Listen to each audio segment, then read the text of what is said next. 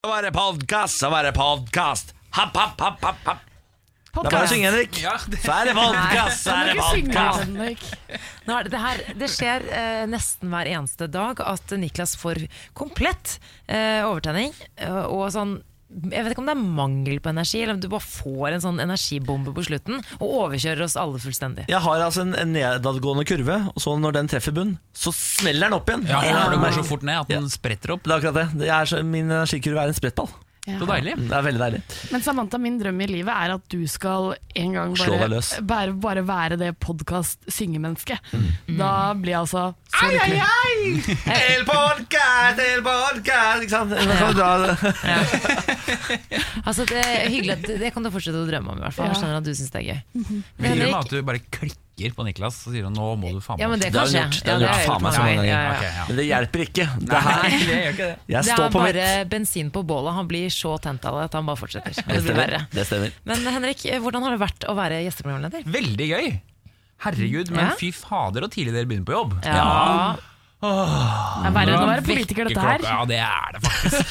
Nå er vekkerklokka på halv fem. Ja, Altså når du fem, drar til, altså. på Stortinget etterpå, så er det bare sånn ah, easy-peasy. Ja, men fordi, ja ja, vel vel. Altså, nå skal jo dere hjem. Ja, det er sant. Dere er sånn, takk for i dag, nå skal jeg på jobb. Ja, jeg Ja. kan godt bli med deg på Stortinget. Altså, jeg kan, Ja. Ja, gjerne for meg. Det er jævla billig den kantina, i hvert fall. Så du får masse billig mat. Dritbillig. Ja, det er så jækla billig at Er det sant? Ja, Den stortingskantina er altså så billig, for den er Hva heter det? Subsid... Hva heter det? Subsidiert. Ja. Ja. Men ja, får man ikke ganske mye når man er stortingspolitiker? Altså Får man ikke leilighet og, Jo, jo. og, og masse og penger og sånn? Hvorfor, skal man ha billig- hvorfor skal man ha billig i kantinen, da? Fa, dette glemte vi å snakke om, Henrik! Nå har dere faen meg økt lønna deres er igjen! Dere øker deres egen Ja, jævla lønn hvert jævla år! Altså, nå Ja, er det det på millionen. Nei, men dere, dere øker den mer enn alle andre! Nei. dere hadde 23 000 i tillegg nå! Er 2,8 prosent. Det er samme som resten av 23 landet. 000 Altså Vanlige folk får sånn rundt 13 000-14 000 Fordi det er, det er ikke, det er ikke jappetid Og dere bare gønner på Jeg elsker at Henrik Jævla bare Nå har overklassen. tiden gått ut. Nå har tiden Nå er det gått ut. dessverre slutt. Podcast-tiden er gått ut. Altså det, dere, dere bare skiller dere lenger og lenger, Ja, lenger ja. fra folket Nå har jeg lest i aviser at jeg har ferie i 15 uker, Ja. og det er også politikerfakten. fint hvis eh, hadde stemt, altså. Politikerforakten, Henrik, øker for hver tusenlapp dere legger på den lønna Niklas, nå vet du jo hva du skal bli etter du er ferdig med radio. Ja. Jeg, ja! Ja. Jeg er gæren. Jeg- Altså, hadde jeg vært politiker sjøl, så hadde jeg elska det. Men Ja. det er jeg jo ikke. ja, ja, ja, ja. Nei, det var hyggelig å ha deg her, Henrik. Veldig hyggelig å være her. Eh, nå kommer podkasten til deg som har lastet den ned. Vær så god, kose seg. Morgen på Radio 1. God tirsdag. 19. juni 2018. God eh, tirsdag, Samantha. God tirsdag. Og så eh, pleier vi å si god tirsdag, Ken, men det gjør vi ikke i dag. I går så sa vi god tirsdag, Siri, men i dag sier vi god tirsdag, god morgen til Henrik Asheim. God morgen. Vår eh, ikke bare faste huspolitiker, men også vår gjesteprogramleder i dag. Ja, faen, du har ikke kommet for tidlig på jobb. Nei, det gjør jeg aldri. um, du har altså, jeg forstår det sånn at du har slitt med søvnen i natt. Veldig. Han er jo, altså, Er det fordi du skulle hit? Ja. Ja, nettopp, ja. Altså, jeg var livredd for å forsove Ja, meg. ja, ja. Altså, jeg, fordi tenk, altså, jeg tror jeg våknet to ganger og sjekket om jeg hadde satt alarmen på telefonen. og sånn Det var helt forferdelig. Men det setter vi veldig pris på, og, og vi kjenner oss igjen. Ja, det- det. ja. ja, ja, for det skjer jo For det er deres liv. Niklas, du har jo hatt litt sånne problemer i det siste. Hele forrige uke så sto jeg opp midt på natten klokka tre, løp ut på badet og begynte å pusse tenner. Helt til kjæresten min sa sånn Hva er det du driver med? Gå og legge deg klokka tre. Så det, er det livet her må, Så lenge du skal være gjesteprogramleder, Henrik, så må du bare bli vant til dette her. Det er greit. Det er, eh, det er en liten, det er en liten ting å gå fra, da. For, for, for gleden av å våkne med oss. Hæ? Men det er som å få ny jobb. ikke sant? De første ukene når du har ny jobb, så er det jo superpliktoppfyllende å komme Ja. ut før du skal. sånn Og så etter Ja. hvert så kommer du til å slacke veldig. Ja, jeg Ja da, det. ja da, ja da. Det, det, det roer seg etter hvert. Eh, hvordan er din morgen, da, Samantha Skogran? den er veldig fin, men jeg har, eh, jeg har sovet litt dårlig i natt, jeg også. Jeg har egentlig sovet veldig bra den siste perioden, men så var det eh, Vinden ulte, rett og slett. Jeg har blitt Ja. sånn, selv om jeg sover, jeg begynte å sove med ørepropper nå. Og det Sånn ørepropper? Ja, fordi jeg legger meg jo så tidlig at barna i nabolaget De leker jo fortsatt når jeg eh, går og legger meg, så jeg må eh, faktisk sove med det, bare for å få litt ro. Men nå er det sånn at hver eneste lille lyd eh, det er nest, Man blir liksom bortskjemt på støy, eh, nesten. Eller sånn på å ha det stille, da. Når du har begynt med ørepropper. Så var, jeg vet ikke om dere la merke til det, men jeg synes det, var, det var jo storm i natt. Ja, det var, jeg har åpenbart en slarkete dør inn til soverommet, fordi den sto sånn og slo pga. vinden. Sånn ding, ding, ding, ding, ding. Ja, Ding, ding, ding, ding, ding, ding. Som gjorde at jeg utsatte i hvert fall sønnen én time, bare pga. den forbanna dunkinga. Det var derfor du utsatte Nei, men jeg fikk ikke sove på en time fordi jeg Å, lå sånn, irritert ja. meg over den slarkinga. Men hva med deg, Niklas? Du har vært hjemme alene. Ja, min kjæreste er nå i Budapest. Mm. Eh, Det betyr at jeg er på egen hånd. Og det, det, det betyr jo i praksis at verget mitt er borte. Eh, For for jeg er jo ganske oppegående på mye, men så er det altså mye jeg ikke får til med mindre jeg har et eh, annet menneske som passer på meg. F.eks. å legge meg. Så i går så dro jeg det helt til klokka ett på natta. Hva gjør du da? Da sitter jeg og spiller dataspill. Spiller dataspill? ja Ja, er for jeg er 16 år. ja nettopp, du er det, ja. Ja da. Jeg, bare, jeg er en veldig stor 16-åring. En 16-åring som begynner å få grå hår på siden og sånn. Ja. Ah, det er trist. Hva med deg da, Henrik? Hva har du gjort, uh, hva har du gjort siden sist? Hva Siden gjorde sist- du i går? Nei, i går Jeg gikk jo og la meg tidlig, for jeg tenkte jeg skulle Ah. være flink og stå opp og sånn, men det klarte jeg jo ikke. Eller jeg lå bare og vrei meg. Ja. Men det som jeg lurer på når man så om sånne propper i ørene, Mhm. hvordan våkner du? Ja, vet du hva, jeg hører et, jeg, eh, Nå har jeg en, eh, heldigvis en samboer som våkner veldig lett, så jeg har liksom en sånn eh, plan B der, i tilfelle jeg ikke våkner. Ja. Men jeg hører Jeg sover med mobilen. Det er litt fy-fy, da, men jeg sover med den sånn nesten rett ved siden av øret mitt på nattbordet. Så jeg, jeg hører den faktisk veldig godt. Jeg har den på veldig høyt. Ja, jeg, har den, jeg har den også rett ved siden av øret mitt. Ja. Jeg skvetter altså noe så voldsomt når den ringer på morgenen. Men jeg har egentlig litt lyst til å slutte med Altså begynne med sånn bare helt vanlig alarm. Ikke ha mobilen på nattbordet. Ja. For det blir sånn Vekkerklokke, liksom? Ja, en Fy vekkerklokke. fader, det er retro, da. Ja. Sånn må du få deg sånn radiovekkerklokke. Sånn, så kommer det Ja, musikk. så kommer det musikk. Så må du slå sånn som på i den, så du amerikanske synes- ja. filmer. Mm. Ja. Mamma, mamma hadde alltid det. V- Våkna alltid til eh, radio, husker jeg. Det er veldig 80-talls eller 90-talls. Ja, det er også veldig koselig. Ja, veldig koselig. Ja. Vi ber jo folk om å sende inn en morgenrapport. Dere som hører på oss når klokka er seks om morgenen. Vi føler at vi er en liten sånn eh, eksklusiv gjeng som er oppe så tidlig eh, før resten av landet på et vis. Eh, Da må du bare melde oss på vår Facebook-side radio1.no. Hei! Sikringen til varmtvannstanken har gått i løpet av natten, så i dag var det kun kaldt vann i dusjen. Send meg gjerne varme tanker. Det trengs hilsen Rine. Altså, når du først har eh, investert tid til å dusje på morgenen, og så er det iskaldt. Ja, altså, eh, jeg har jo bare hørt at varmtvannstank må man ah, bare be til Gud om at det aldri går. At det er noe gærent med varmtvannstank. For det har jeg skjønt er dritdyrt. Og Ja, et ja. styr og en mas og bare forferdelig. Eh, Foreløpig så har jeg aldri opplevd noe problem med varmtvannstanken, så jeg kan på en måte ikke forstå hvilken situasjon du er i, Rine. Men du, Henrik, dusjer du på morgenen eller på kvelden? Morgenen? Du er i morgen, ja. Veldig bra. Fordi, ja.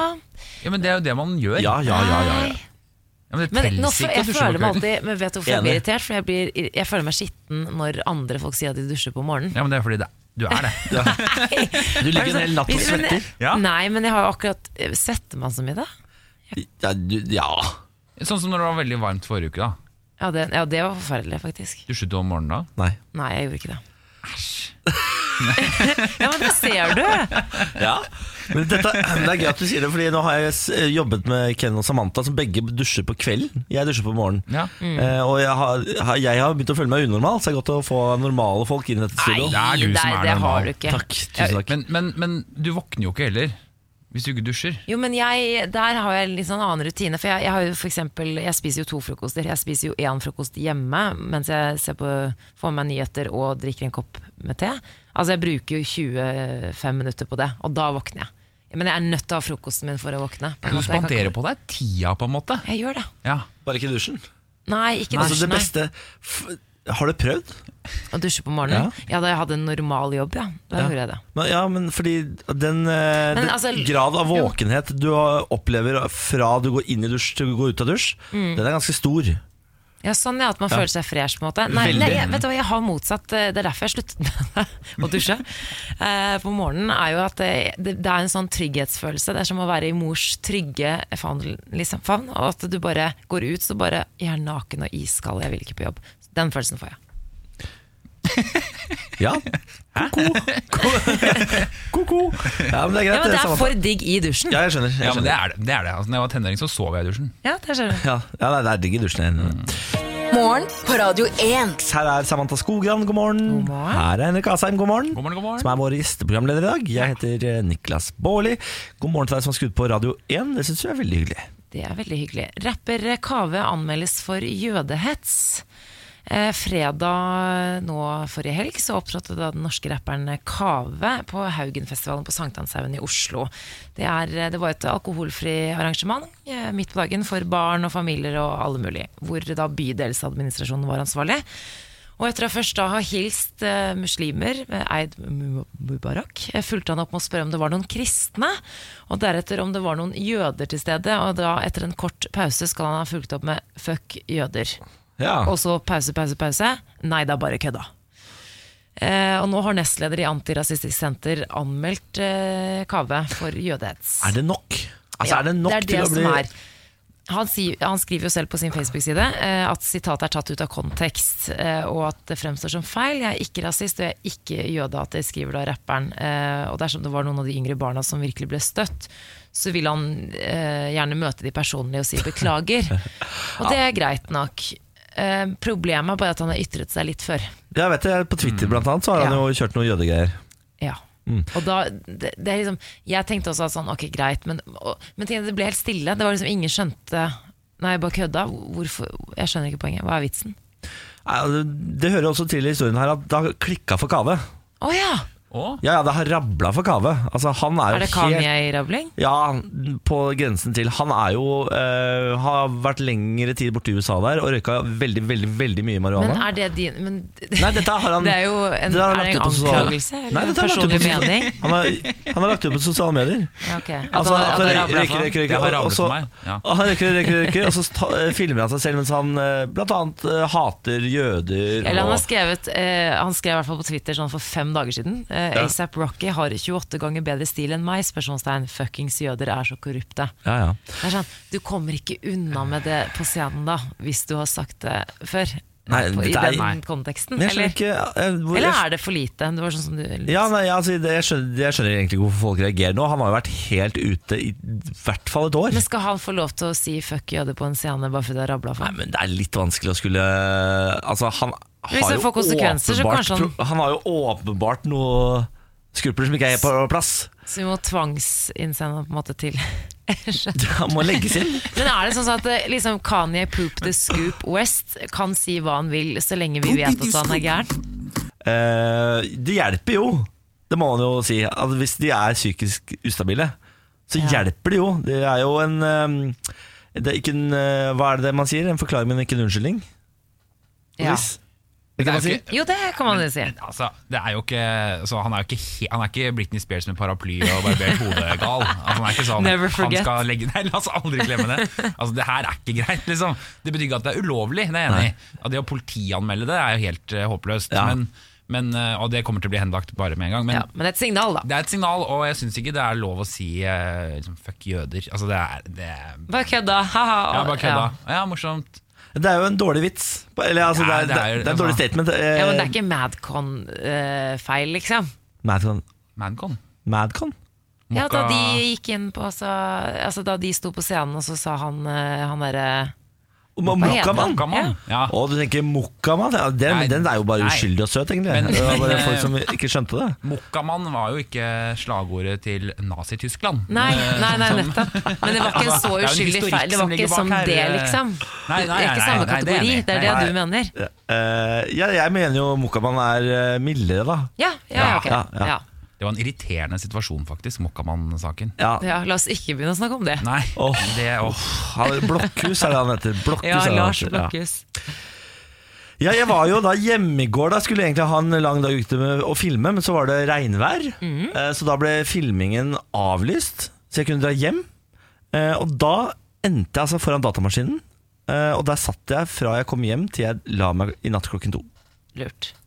Nei, det er ikke så lurt, men det er jævla gøy, altså. Ja. Jeg, altså, I går hadde jeg en sånn eh, Jeg vil si en glede av å spille dataspill som jeg ikke har hatt siden jeg var sånn 16 år. Jeg fikk, sånn, jeg fikk lyst til å gå ned og kjøpe Red Bull og sitte og være helt sånn Det var, det var sånn ungdommelig Jeg følte meg som ungdom igjen. Så men, eh, men er det sånn at du på en måte Ja, fordi kjæresten din er borte? Ja, han er i Budapest. Det er litt sånn ungkarsrede. Det er akkurat det der. Ja, Ja. nettopp. Livsfarlig for deg, Niklas Baarli. Ja, jeg, jeg, jeg begynner jo nå å innse at jeg som eh, soloperson ikke er noe eh, god idé. Så jeg ble, jo, jo lenger kjæresten min er borte, jo mer glad er jeg for at jeg på en måte er i et forhold. Ja, men det er jo veldig er fint, fint. da. Det er fint. Ja. Eh, Og dette er dag én. Men, men det jeg liker, er at du, du er glad for at du er i et forhold. Det er ikke sånn 'Å, det er fordi jeg savner han, avstand gjør oss godt'. Det er sånn 'Jeg er et bedre menneske med denne personen', og derfor er jeg glad for at jeg er i et forhold. Det er riktig. Han kontrollerer meg på en ålreit måte. Ja, så bra. Det er sånn det er. Eh, Men kan jeg informere om at jeg er jævla god i dataspill om dagen. Ass. Ja, det er bra. Sabla god om dagen, Så gøy. Ja, det er veldig gøy. Da er det Ja. verdt det å ikke sove. Jeg har jo kommet over en sak uh, som er fra Island. Der har det vært en turistbuss med asiater. Hvor, hvor mye leser du islandske nyheter? Massevis! Ja, du gjør det, ja. Ja. Dette var faktisk ABC Nyheter som rapporterte. ABC-nyheter. Ja, ja, ja. uh, via en eh, islandsk nettside. Men uh, den har, det har vært en buss som har kjørt opp til en vulkan for å se på noen greier. Og asiatene har jo da løpt ut eh, for å se på vulkanen, og så er det en av dem som har gått tilbake for å skifte jakke Og sånn mm. Og mens hun har gått tilbake for å gjøre det, så har de oppdaget at de mangler en. Ja. Så de har satt i gang en leteaksjon. Og da har hun kommet ut igjen av bussen, hun har jo skiftet jakke og fått beskjed om at vi mangler en, så du må være med og lete. Så hun har vært med Hun har lett etter seg selv, sammen med 50 andre mennesker. Og masse politifolk. Kjempelenge. Utrolig sjarmerende. sånn Er det ikke deg vi leter etter, egentlig? Men det visste jo ikke hun, stakkars. Å bruke tid på det òg, da. Ja. Hvor lenge lette dere? De lette i flere timer. Flere timer, ja. Ja, Men eh, de sier at eh, de er tross alt glad for De vil ikke klandre kvinnen, sa politisjefen på Nei, stakkars kvinne. Hun prøvde jo bare å hjelpe til. Herregud, så søt. Ja. Stakkar. Ja, de er, ja, jeg skjønner Jeg har jo jobbet på hotell, eh, og asiatiske grupper det er, en, eh, det er en masse som beveger seg. Så hvis du faller utenfor den massen, ja, da blir det kaos. Da blir det kaos ja, ja, en det blir fullstendig kaos. Sammen med russiske grupper også. De, Ja. de, er, altså, de er så godt sveisa sammen. ja, veldig. Så hvis du, en av dem forsvinner, så er det fullstendig kaos. Hva skjer da? Da, må, da er det jo Da, Da skjer dette. lete, da- Da er det leteaksjon, da. Da er det manngard, liksom. Hele gjengen ut og gå. Det er helt sprøtt. For en nydelig sang fra Island. Dette er morgen på Radio 1. Samantha Skogran, god morgen. God morgen. Henrik Asheim, vår gjesteprogramleder, god morgen. God morgen, god morgen! Vi pleier å ta en runde med terningkastet på dagsform. Hvor vil du si at du ligger på terningkastet i dag, Henrik? Jeg gir en god femmer, jeg. En god femmer, ja. Ja, jeg gjør det. Det er ikke dumt, det. Jeg er også oppe på femmeren etter å ha spist eh, mine to frokoster. Det er altså, Jeg spiser rugsprø hver dag i mm. kantina her. Eh, noen hadde satt rugsprø i kjøleskapet, Det er fy-fy. så det var mykt. Det var gu Ja. sånn gummi. Forferdelig, forferdelig, forferdelig. Jeg kan ikke forstå hvorfor noen har lyst til å gjøre det. Så ternekastet ditt, det er Det er på fem likevel, ja. Å ja, ja, ja. ja, ja, ja, ja, ok, ja, det er. Skal ikke være vanskelig, jeg. Nei. Dere, jeg kan eh, snakke litt om eh, Jeg har lyst til å snakke litt om ulike døgnrytmer i et parforhold. Ja. Eh, og før jeg spør om tips i forholdet mitt, så vil jeg be deg, Niklas, om å avstå fra å gi seksuelle tips. Fordi uansett eh, hva jeg Når jeg ber om da eh, tips i mitt forhold, så kommer alltid da Niklas med 'Men bare gi han en liten, så går det bra'. Det gjør det faktisk Det alltid. fordi han ikke får sove, ikke sant? Ja, ja men da er det en annen, eh, nå er det en annen problemstilling. problemstilling. vi har jo litt spesielle arbeidsrutiner i dette programmet. Vi står jo opp eh, tidlig, og vi er jo da ferdig tidlig også. Og sånn som i går, da, så kom jeg hjem, og da hadde eh, da, I går så var vi ferdig ganske tidlig, så Ja. vi var hjemme ganske tidlig. Og da var det sånn at eh, Emil hadde liksom akkurat stått opp eh, og skulle begynne å spise frokost, og jeg skulle spise lunsj. Da, men da er det sånn når, når det blir sånn veldig ofte, så blir det sånn Dagene våre starter helt annerledes. Så på en måte Litt sånn krasj. Så når han da på en måte Da går han ut for å finne på noe, da kan jeg slappe av. Det passer jo veldig fint. Ja. Men når da han kommer hjem igjen, da skal jeg ut og finne på noe. Så, sånn går på en måte hele dagen. Vi liksom misser hverandre hele tiden. da Og så på kvelden så må jo jeg legge meg tidlig. Så det er sånn Det er litt sånn slitsomt å måtte avtale Nei, nå skal vi ha det hyggelig sammen. Ja. Sånn tvungen sånn hyggetid. Du er sammen med en pensjonist, må du ikke glemme. Ja, nettopp. Og det burde, jeg trodde det ville være en fordel. Da, Ja. da, har han jo fri på dag, altså, da kan vi jo egentlig ha det hyggelig sammen Og han må jo legge opp til aktiviteter på kvelden. Ja, så er det det som må til, ja. Ja, er det ikke det? da? At han, tar, at han ikke gjør noe på dagen. Siden dere begge har fri på dagen, og han eh, kan være oppe til sent, så må jo han legge sine aktiviteter på kvelden. Ja, Det er faktisk et godt poeng. Ja, for jeg tenker også det, og, og også altså hvis han Fordi tydelig når du slutter med toppidrett, da slutter du jammen med toppidrett, tydeligvis. Ja. Hvis du står opp sånn Ja, men virkelig i tida. Han har spilt, han har spilt golf siden han uh, ga fra seg skia, liksom. Han spiller Deilig. golf hver dag, da. Ja, hver dag, Ja, Men det er for så vidt det er jeg glad for. Det er jo fint at han har noe å gjøre. Ja, det er klart. Men, uh, ja, men det har jeg faktisk ikke tenkt på. Ja, for Men har da kan jeg legge meg i fred også, i Ja. tillegg. Med øreproppene Ikke sant? mine. Men da må du sørge for at før du legger deg, så må du gi han. Ja, nettopp. Det er. Ja, nå kom du. Ja, ja. Ja, men det innom, ja. Ja. Men det er ikke så dumt det, da. Hæ? Nei, det var Godt ikke så tips. verst. Vær så god. Bystekrangel på Ronaldo-flyplassen. Eh, vi husker vel kanskje denne bysten Cristiano Ronaldo fikk eh, laget til seg eh, Den stygge. Den stygge, ja. Den forferdelig stygge bysta som Har du sett den, Henrik? Ja. Ja, ja, ja. Altså, det går ikke an å ikke se den. Nei. Nå er den bysta erstatta med en ny byste. Er den fin? Den, folk vil ikke ha den nye bussen som er finere, Nei. fordi nå har den gamle blitt eh, turistattraksjon. Men det er jeg enig med deg i. Den står på flyplassen i Cristiano Ronaldos hjemby, flyplassen som har fått navnet Cristiano Ronaldo Madeira International Airport.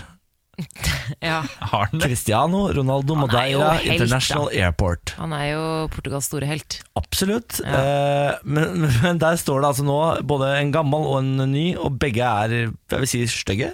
Ja. Eh, der, det er også Den stygge skal nå flyttes fra flyplassen til et museum om Cristiano Ronaldo. Han har et eget museum Ja, også ok. i Madeira. Men det er litt synd, da, for det var sånn, sånn enda styggere versjon av en sånn Madame Tussauds-statue. Det er parodi, på en måte. men det, men det begynte å bli veldig gøy. Og jeg tenker sånn, det er jo gøy, liksom, det er nettopp det at når man kommer dit, så det er jo det man vil se. Den stygge. Ja, ja, er du gæren? Så nå, jeg, jeg skjønner jo klagene her, og det de må gjøre nå, er jo å ta det nye, fine må de sette på dette museet til eh, Ronaldo. Ja. Så den stygge, den må fortsatt stå på flyplassen, som tross alt bærer hans navn. Cristiano Ronaldo Madeira International Airport. Ah, Men er Ronaldo selv sur på den? Har han sagt noe om det? Nei, han er avbilda blid og fornøyd foran han. Ja men, ja, men jeg husker jeg så en video hvor han var liksom Å herregud, dette er kleint, liksom. Og hans ego. Altså det er ingen status men som kan bli like fin som Nå heter Ronaldo. hele flyplassen Ja, deg, liksom. Så Ja. hvis du ikke er helt fornøyd med bysten, så får du nesten Ja, Ja, det får du bare tåle. ja. Han ble jo fader meg dømt til to års betinga betinget fengsel her for litt siden nå. Bot på 175 millioner kroner. Men så skårte han da tre eh, elleville mål, eh, og så glemte alle det andre på fredag. Ja, men nå tenker jeg bare på bysten igjen. Nå er hat tricken glemt, nå er det bare byste. Ja. Byste, byste, byste i mitt hode nå. Kan ikke vi gjøre det samme i Norge med Jon Arne Riise, Ålesund Jo! International? Vi har jo, så jo, jo, jo, selvfølgelig. Vi har jo fått, han har jo fått eh, en statue. Ja, vi bare lager den som en karikatur? Ja, ja, ja, enda styggere. Ja. Også med en mobil i hånden som sender tekstmeldinger til damer. Kjempeidé, Erik. Kjempeidé. Morgen på Radio 1. Hverdager fra sex. Hvordan nå skal vi ta en eh, aldri så liten tur eh, til Snapchat, Ja, hvor man har begynt å selge dop. hva? Eh, profesjonelle doplangere organiserer seg nå på Snapchat og lager grupper hvor de selger dop eh, til barn og unge. Eh, for da, da har de mye lettere å, å holde orden på kontaktnettverket, og det er anonymt og bla, bla, bla. bla, bla. De, sender, de reklamerer på storyen da, sånn Kjø, 'Nå har vi fått inn ba-ba-ba'. Er Kjøp, kjøp, kjøp, kjøp. Ja, det er sant, ja. Eh, Er det lov? Nei, det er ikke lov. På ingen måte. Men de, de reklamerer eksempel med at det kommer i posten i løpet av tre til seks virkedager. Og sånn. Altså Det virker helt sånn eh, Herregud. Det virker som om du kjøper noe fra eBay. på en måte Ja. ja, Da er det sånn eh, her, Det er sånn handleliste. Da, sånn, amfetamin 300 kroner, knips 200 kroner, cola 900 kroner, LSD 300 kroner. Altså Men, og, men er det reelt? Altså, sånn, ikke reelt, ja. at, at du får det virkelig i posten? Ja. Eh, Dette er jo et kjent eh, problem, eh, egentlig at de bruker posten til å sende dop. Fordi det har man gjort Oi. lenge via dark web. Man har handla på dark web, og så har det blitt sendt i posten. Og det har jeg skjønt at det er, det er ganske mye som ikke blir tatt i posten. har jeg skjønt Herregud. Nå har politiet gått ut og advart foreldre. Dere må snakke med barna deres. De blir utsatt for dopreklame på Snapchat. Og så har politiet snakket med Snapchat, som har hjulpet politiet. Så de har nå begynt å fjerne disse tingene og gi informasjon om hvem som eier kontoene. Ja, for jeg lurer på hvor lett det er å på en måte komme unna med det. Hvor mye kan Snapchat styre? Nei, Snapchat eh, kan jo, hver gang de får rapporter, gjøre noe med det. da Så om de, de oppfordrer folk til å rapportere når de ser noe som ikke skal være der. Eh, Snapchat eh, talsperson sier at de hjalp politiet i Norge med tre tilfeller i fjor. Hvor de bisto da Ja, med å finne ut hvem som sto bak kontoer. Burde ikke politiet lage en fake konto og følge den? Det tror jeg de har gjort. Ja. Det tror jeg de har gjort jeg ser NRK, Det er NRK som har den saken her. Eh, De har også vært inne og snakka med de Og da sa de sånn Hei, kan vi få et intervju med dere? Da skal, vi- hvis du betaler 500 kroner på PayPal, så kan vi ordne et intervju. Det er litt av en gjeng. Ja, det er noe, er noe kremmere. Så kan, Ai, ai, du kan hate de så mye du vil, men de er jo noen kremmere! da! Men har du sett disse reklamene, Niklas? Ja, det er bilde av de på nrk.no. Ja, ok. Ja, det er, ja. Ja. Mm. Er det Ikke liksom på din egen? Snapchat. Nei, ikke på min egen Snapchat. det. Men er det som en annonse? Er det dandert, på en måte? Og så Ja, ja, står det prisen og Ja, ja, ja det, det ser veldig sånn eh, Det ser veldig bra ut. Her, er- det her er et bilde de har lagt ut eh, hvor de har tatt bilde av de pakkene de skal sende ut med, som er fulle av dop. Og så står det sånn 'Siste timens pakker sendes ut på natten eller mellom klokken 13 og 17'. Sveip opp og skriv om du vil kjøpe godsaker. Godsaker, ja. Ja. Godsaker jeg brukte. Pott, hasj, amfetamin, Molly, knips, cola, LSD. Tre til seks virkedager. Men dere, eh, like viktig som det er at vi tar, altså, vi tar jo for oss ordentlige nyheter, og vi snakker og sånn, så er det jo også like viktig at vi tar for oss litt sladder. Eh, sladdernyheter, det er, eh, ja, det er vel egentlig mitt område, eh, Henrik. Sånn, det er liksom min oppgave å holde dere oppdaterte på det som eh, skjer eh, i kjendisverdenen, kan Så du bra. si. Ja. Eh, starter med en liten eh, overskrift. Overrasket foreldrene midt i sexakten. Skuespiller eh, Jada Pinkett Smith, vet oh, du ja. hvem det er? Ja, ja.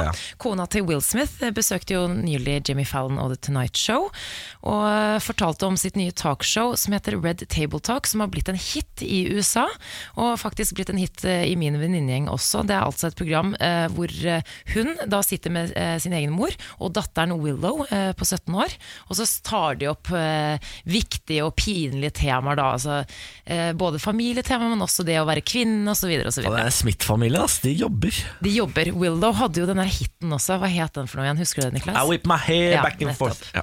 Ehm, Bare spør. og pinlig, det kan det virkelig bli. I et av programmene så spør eh, mor Jada datteren Willow eh, oppriktig om hva hennes første møte med sex var, og hun har også påpekt at de aldri snakker om temaene eller avslører hva de skal si eh, på forhånd. Hør på der. My introduction to sex was obviously walking in on you and Daddy. That was the first introduction. to When the hell did you walk in on No, us? you- it was in Utah. I was going downstairs to get some juice, and I saw for a little moment, and I ran away. I was like, "Oh my god, this is so crazy! What I just see." Ja, så eh, det, altså Hun eh, gikk eh, ned for å hente seg et glass juice, og så Ja. da Jada og Will Smith eh, Ja. Ingen barn fortjener å se sine foreldre ha sex. Nei, altså Jeg fikk faktisk litt sånn høy puls av det her også, fordi det, det, er, det er et veldig bra program. Men det er, det, det er så pinlig Tenk å sitte der, liksom, og det er millioner av seere, og fortelle om det. Det er ganske Jeg vet ikke. Ja, det er klamt, altså. Ja, det er det. Men Jeg er liker det litt, jeg. Nei Hadde du likt det hvis det var deg? Eller det var din familie? Altså, det er jo en familie, dette Ja, men her. dette er jo familien som snakker, da. Altså, det, Ja, det vil jeg si. Men det er jo, det er jo verdens mest eh, altså verdens, En av verdens mest eh, publiserte familier. Jeg tror ikke de har så De har ikke så mange filtre igjen. Nei, de har ikke sånn, noe liksom, privatliv. så Nei, kan det- de bidra med litt åpenprat. Og det er så gøy det klippet, fordi du ser at bestemoren sitter der, og hun er, hun, altså, hun er helt fra seg. Det er, det er egentlig litt gøy. Det er litt gøy. Ja, det er gøy, ja. Red Table Talk, sjekk det Red ut på YouTube hvis Table ikke. Og nå som det er eh, VM dere, så tenkte jeg faktisk at vi skulle ha litt eh, VM-relatert eh, sladder. Eh, og det handler altså da om, om helten Diego Maradona. Eh, Diego Maradona kom i trøbbel under Argentinas fiaskokamp mot Island her om dagen. Den argentinske legenden ble filmet mens han smattet på en sigar under det intense oppgjøret.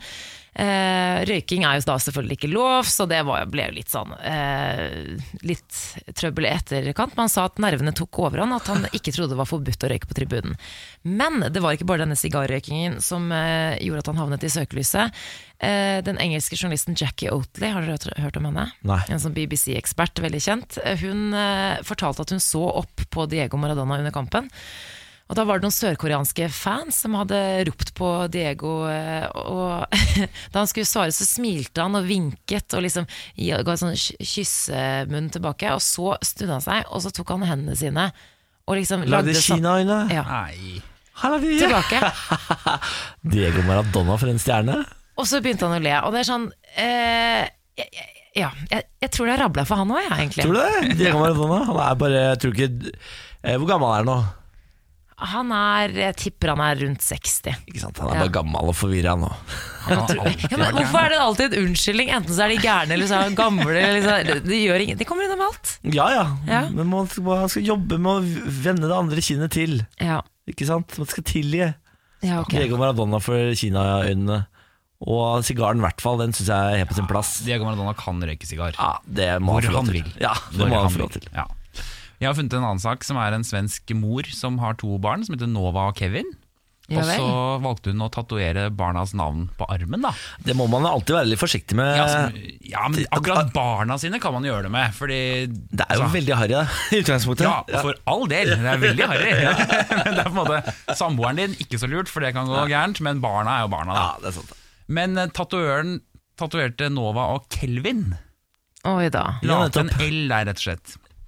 Og da ble hun jo litt eh, Men så tenkte hun ja ja. Og så fant hun ut at hun syntes Kelvin egentlig var vel så fint, så hun skifta navn på sønnen sin Nei. Men til Kelvin. ja, har, du, har dere tatt tatoveringer? Nei. Nei, Jeg på har ingen en, måte. har en liten Har du tatovering. tramp stamp? Ja, men du, Har du nei, tramp du har jo sett den. Ja, det stemmer det. Det er ikke sånn kjempefin. Jeg Det er er ikke jo en stolt av den, det, men jeg har veldig gode minner knyttet til den. Men det er jo en du følger jo med. Jeg skjønner ikke, du følger jo med når du tar en tatovering. Og Men hvert fall spørsmålet når du er har- da hvis hun, Å, har, ja. liksom, hvis hun har skrevet Kelvin liksom, i korsryggen nederst der Med sånn to sånne bunnies Ikke sant? Det kan Ja. fort hende det Ja. Du høres ut som en, må- hø- høres ut som en dame kan ha jeg, bunnies altså, jeg mener at hun har vært ekstremt løsningsorientert. ja, syns du det? Ja, jeg syns virkelig det. Er ikke trikset å ta bort den L-en? Du har jo sånn laser Ja, men det er jo kjempedyrt og Han vondt. heter ikke Det er jo ikke hans skyld. Men hvor gammel er ungen? Det er det som er spørsmålet For hvis, Nei. Jeg mener opp til, jeg vil si opp til tre år er det greit å bytte navn Etter, tre, etter fylte tre, da må du nesten ta Ja, jeg het faktisk noe annet i syv måneder før jeg het Samantha. Hva, hva heter du da? Jeg het ja, det, er, det er jo mellomnavnet mitt. da Jeg het Kristina Skogran, og så syntes mamma at det hørtes litt for norsk ut, så hun la til Samantha. Samantha Yes. Samantha Christine Kunne hun godt uh, ha latt være å gjøre. Å, liker du ikke Samantha? Nei. Jeg, jeg, liker å høre, jeg liker å høre den reaksjonen når jeg sier det. Nei, gjør du det så fint? Nei, det syns dere ikke. Nei, jeg syns det. ok da. Morgen på Radio 1. Radio 1 med Samantha, Niklas og Henrik Asheim. Henrik er gjesteprogramleder i dag. God morgen, Henrik. God morgen, god morgen. Hvordan går det med deg? Det går fint, takk. Jeg syns du gjør det bra. Jeg. Takk skal du Synes ha. du dette? Nå føler jeg at jeg har vært oppe hele dagen. Jeg. Ja. Så nå er klokka er nå, sju, kvart over sju. Ja, det er Du det. er veldig våken, faktisk. Ja. Ja. det. Det du kommer til å merke, er at du har to døgn Altså i løpet av dagen nå. Fordi når Ja. du er ferdig her, så starter døgn to. Ja, nettopp. Da Eh, spiser jeg frokost på nytt. Da spiser du frokost på nytt, og så har du liksom den vanlige dag. Ja, nettopp Så du får liksom dobbelt ut av dagen. Men når er det du går på smellen? Rundt ett. Ja, Men hvis du da holder deg aktiv rundt ett, så går det bra likevel. Altså. Da er du på Stortinget, er du ikke det? Sitter på Stortinget. Da må du finne et sted hvor du kan ta deg en lur. Ja, jeg har en sofa på kontoret. Ah, bra, bra, bra. Vil bare si eh, god morgen, kaffen er i presskannen, rundstykker i ovnen, og jeg er klar for en ny dag. Håper dere får en strålende dag. Hilsen Janne, som har sendt inn melding på vår eh, Facebook-side. Hei til deg, Janne, og tusen takk for melding. Det var hyggelig, det, da. Rundstykker, det er jeg altså så sabla god på hver eneste helg. Hver, fredag, hver lørdag og søndag spiser jeg eh, rundstykker. Mm. Jeg er veldig god på bacon. Jeg lager alltid bacon på lørdag og søndag. Er du det? Jeg har gått over til kalkunbacon jeg, nå. Nei, oh, gi deg, du! Så Ja, det, er. Nei. nei, det er ikke fordi det er sint, det er fordi det er sinnssykt digg. Er det bedre enn vanlig bacon? Vet du hva, jeg synes faktisk det. Nei, vet du hva? Jo, vet, Jeg det, vet det er helt Nå har han Altså, der Benjamin manipulert deg. Nei, han liker det ikke. Han lager vanlig bacon. Nei, gi deg nå. Det er sant. Det er helt sant. Ok, greit. Jeg skal teste det. Ok, greit. Altså, For jeg, altså, jeg er livsnyter, eh, og jeg hadde ikke bytta ut bacon om jeg ikke mente det var bedre. Ja, det er sant. det er helt sant. Det er litt som å lage kyllingpølser. Ja, Kyllingpølse har jeg ikke noe tro Skjønner på. at det er sunt, men eh, det er ikke så godt som vanlig Nei, men pølse. kyllingpølse har Eller jeg ikke noe salaten tro på. på Mækkern, f.eks. Men, men kalkun, kalkunbacon er sånn det, det, er, det er tjukt, og det er røkt, og det smaker masse, masse, masse. Det er kjempegodt. Sånn bare, bare si ok, for han kommer aldri til å gi seg. Bare si Nei, ok. det er greit. bare Ja, si ok. mm, ok. Motherfuckers. Prøv det, da vel! Prøv det, da vel! greit. Ja. Dere, nå skal vi over en eh, liten tur i det mykeste, deiligste, varmeste, mest behagelige rommet her i eh, programmet. Vi skal over i Tenketanken. Tenketanken. Velkommen inn i Tenketanken. Du har aldri vært her før, Henrik? Nei. Det finnes noen regler her i Tenketanken, og det er at man må snakke med sin mykeste, deiligste, mest behagelige stemme. Her inne kan man kaste ut alle spørsmål og aldri få kjeft. Så fint. Ja, deilig. Veggene, taket og gulv er dekket med hvite, deilige puter, så er det bare å kaste seg rundt. Dere, hvis mennesket hadde pels, hadde da kroppspress og klespress vært borte? Jeg tror det. Det hadde vært mye hyggeligere å kose, i hvert fall. Tenk sånn å kose med hverandre med pels, da. Ja, Men Vi det er hadde jo luktet litt vondere. Ja, det hadde vi. I hvert fall du som dusjer på kvelden. Ja, De som dusjer på morgenen, Ja, hadde jo lukta før. ja, men jeg har sikkert hadde hatt mindre pels enn dere. Da hadde jeg brukt eh, ekstra sånn god hundesjampo. Det hadde vært sånn eh, nakenhund, kinesisk nakenhund. En chihuahua. En var ikke lovlig. Jeg hadde gått for, jeg hadde gått for å være en stor, fluffy, bamsete hund. Eh, problemet jeg ser med å få masse pels, er jo at eh, det tar lang tid å tørke. Altså Så lang tid å tørke, det blir tungt å svømme. Vi har jo vært pels eh, Altså Vi har jo hatt pels før. Mennesket har jo ikke alltid vært Har vi hatt så vakre som vi er nå. Vi har ikke hatt pels, men vi har i hvert fall vært litt mer hårete. Hårete. Som aper. Ja, sant det. Så vi tåler det fint, vi. Kan godt få litt mer hår på kroppen. Tror du aper kjenner på kroppspress? Nei. Tror Tror ikke det? Nei, jeg tror ikke det. Jeg tror definitivt at vi hadde litt sånn samme som eh, På en måte litt samme som skoleuniform, da. At vi alle hadde hatt, vært litt, litt mer like. Det der eh, husker jeg tenkte mye på når jeg gikk på skolen. eh, At man burde bare ha skoleuniform. Burde man ikke det? Så digg det hadde vært. Ja, Eller skal vi bare la, Bare- alt, la håret gro overalt, da? Så kan vi alle være hårete sammen. Få pels, på en måte. Ja, bare få på altså, Hvor stiller du deg på skoleuniform, Samantha? Ja, jeg, jeg er for det. Du er for det, ja? Mm. Jeg også er for det. Du, er mot Henrik, det. hvorfor er du mot det? Fordi jeg tror man bare finner på noe annet. Og skille ut folk på. Å, sånn, ja. Å, sånn, Men bare, grunnen til at jeg eh, er for det, er ikke på grunn av Egentlig ikke av eh, presset på å ha de kule og riktige klærne, det er bare fordi da hadde jeg sluppet å tenke på hva jeg skulle ja, ha det på meg hver Det morgen. er det samme her. Det beste jeg visste var når jeg jobba på hotell og måtte ha på meg uniform. Fy faen, så Ja. digg. Det var samme rusttiden nå. Jeg hadde akkurat russ. Nei, du var ikke russ. Jeg var ikke russ. Jeg har ikke fullført videregående, jeg, vet du. Nei, jeg er et av disse unikumene som klarer seg uansett. Der fikk du den pelsdiskusjonen til å handle om deg selv, det nå. Ja. Det er så tok, utrolig. eh, 30 sekunder, det. Hvordan får han det til? Nei, det, er- det, er- det er ikke så vanskelig. Det er ikke så vanskelig. Nei, nei, nei, nei. Nei. Nei, Nei, jeg, jeg, eh, har, jeg liker det her ideen om å, om å ha pels. Jeg mener at vi alle ville vært Du hadde jo luktet våt hund på stranden, da. Alle hadde luktet våt hund på stranden. Å, tenk deg den charterturen, da. det er ikke noe Ja, gøy. tenk deg det til på flyet hjem. Ah, det er ikke noe gøy når Alle alle har fått seg sånn våt eh, to, to ukers våt pels nede i Gran Canaria. Jeg er fortsatt for det. Det er jo unektelig veldig deilig å snugle med pels. Men da hadde vi ikke hatt klær oppå, da. Nei, Oi, det, oi bikini oppå der, ja. Nei, det Ja, er det hadde ikke ikke vært noe ålreit. Nei, men det, ja Vi hadde sikkert tatt, tatt på oss en truse og be tenker jeg. Ja, det tror vi hadde nok det oppå pelsen, tenker jeg. Vi, For vi har ikke plutselig blitt aper, vi er mennesker vi er mennesker, ja. med pels. Og vi er jo altså så livredde uh, for å være nakne uh, offentlig, og det skjønner jeg veldig godt. Jeg er det selv. jeg er helt for det, å være uh, redd for det, altså. Eh, så derfor hadde jeg gått for bokser utapå pelsen. Ja, nydelig. Det har blitt varmt. Det har blitt veldig ja, det har blitt varmt og klamt etter hvert. Ja, det tror jeg også. òg. det har blitt så tatt en annen til å tørke. Uff a meg. Morgen på Radio 1. I dag drikker jeg en juice med sitron, agave, ingefær og gurk i meie. Verdens vondeste jus. Men Ja, eh, hva Det kunne jeg fortalt deg før du kjøpte den. Ja, for jeg bare lurte på om Niklas Baarli har begynt å bli sunn. For. Vi drev og snakket om kalkunbacon tidligere i dag Og så drikker jeg en juice, tenker du på? Med gurk i meie. Ja, nei, det var eh, Ja, ja den var den fineste fargen. Limonade. Limonade. Ja, Jeg så ikke at det, Men jeg elsker ingefær, og sitron syns jeg er godt. Agave og gurke meie, det, det kunne de spart seg for. Ja, ok. Ja. Ja. Ja. Redd Barna ber regjeringen stanse planene om retursenter i Afghanistan. Eh, Norge er et av to land i Europa som eh, har tvangsreturnert eh, barn til Afghanistan. Og det eh, førte i fjor til advarsler fra afghanske myndigheter, blant annet. Og nå er det da rykter om at Norge og Danmark jobber for å opprette et retursenter for enslige mindreårige eh, i Afghanistan.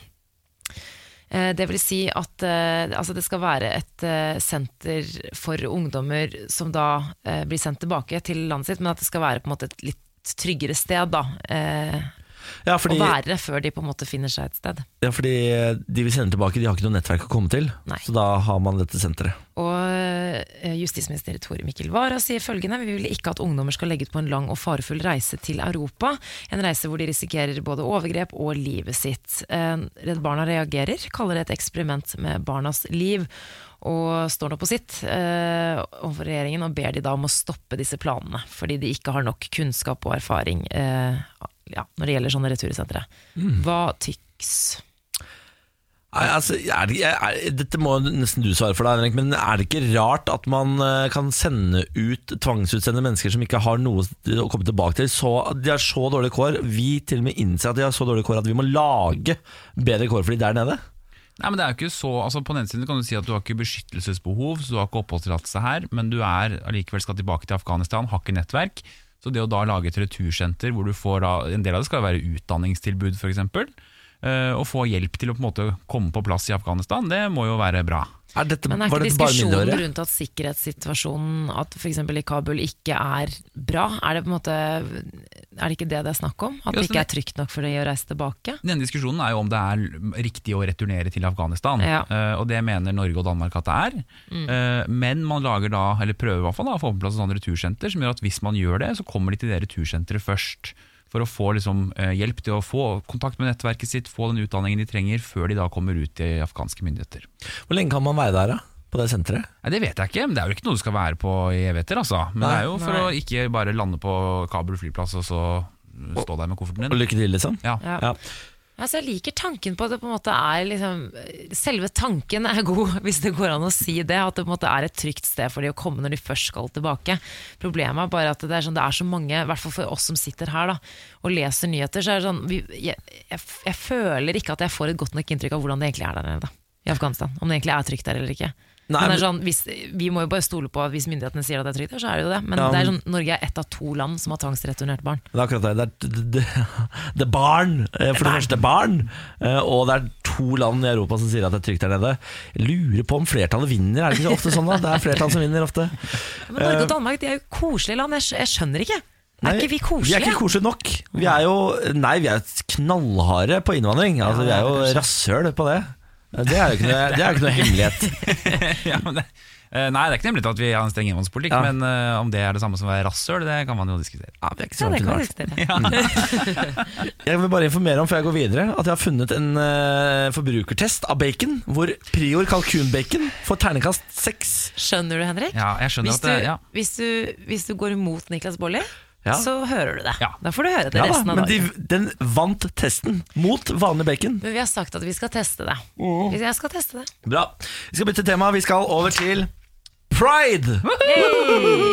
Radio 1 skal gå i Pride, eh, og vi har ordnet eh, en flåte, dvs. Si en lastebil, hvor vi skal, som vi skal dekorere med regnbueflagg, og vi skal ha DJ oppå. Det kommer til å bli så gøy.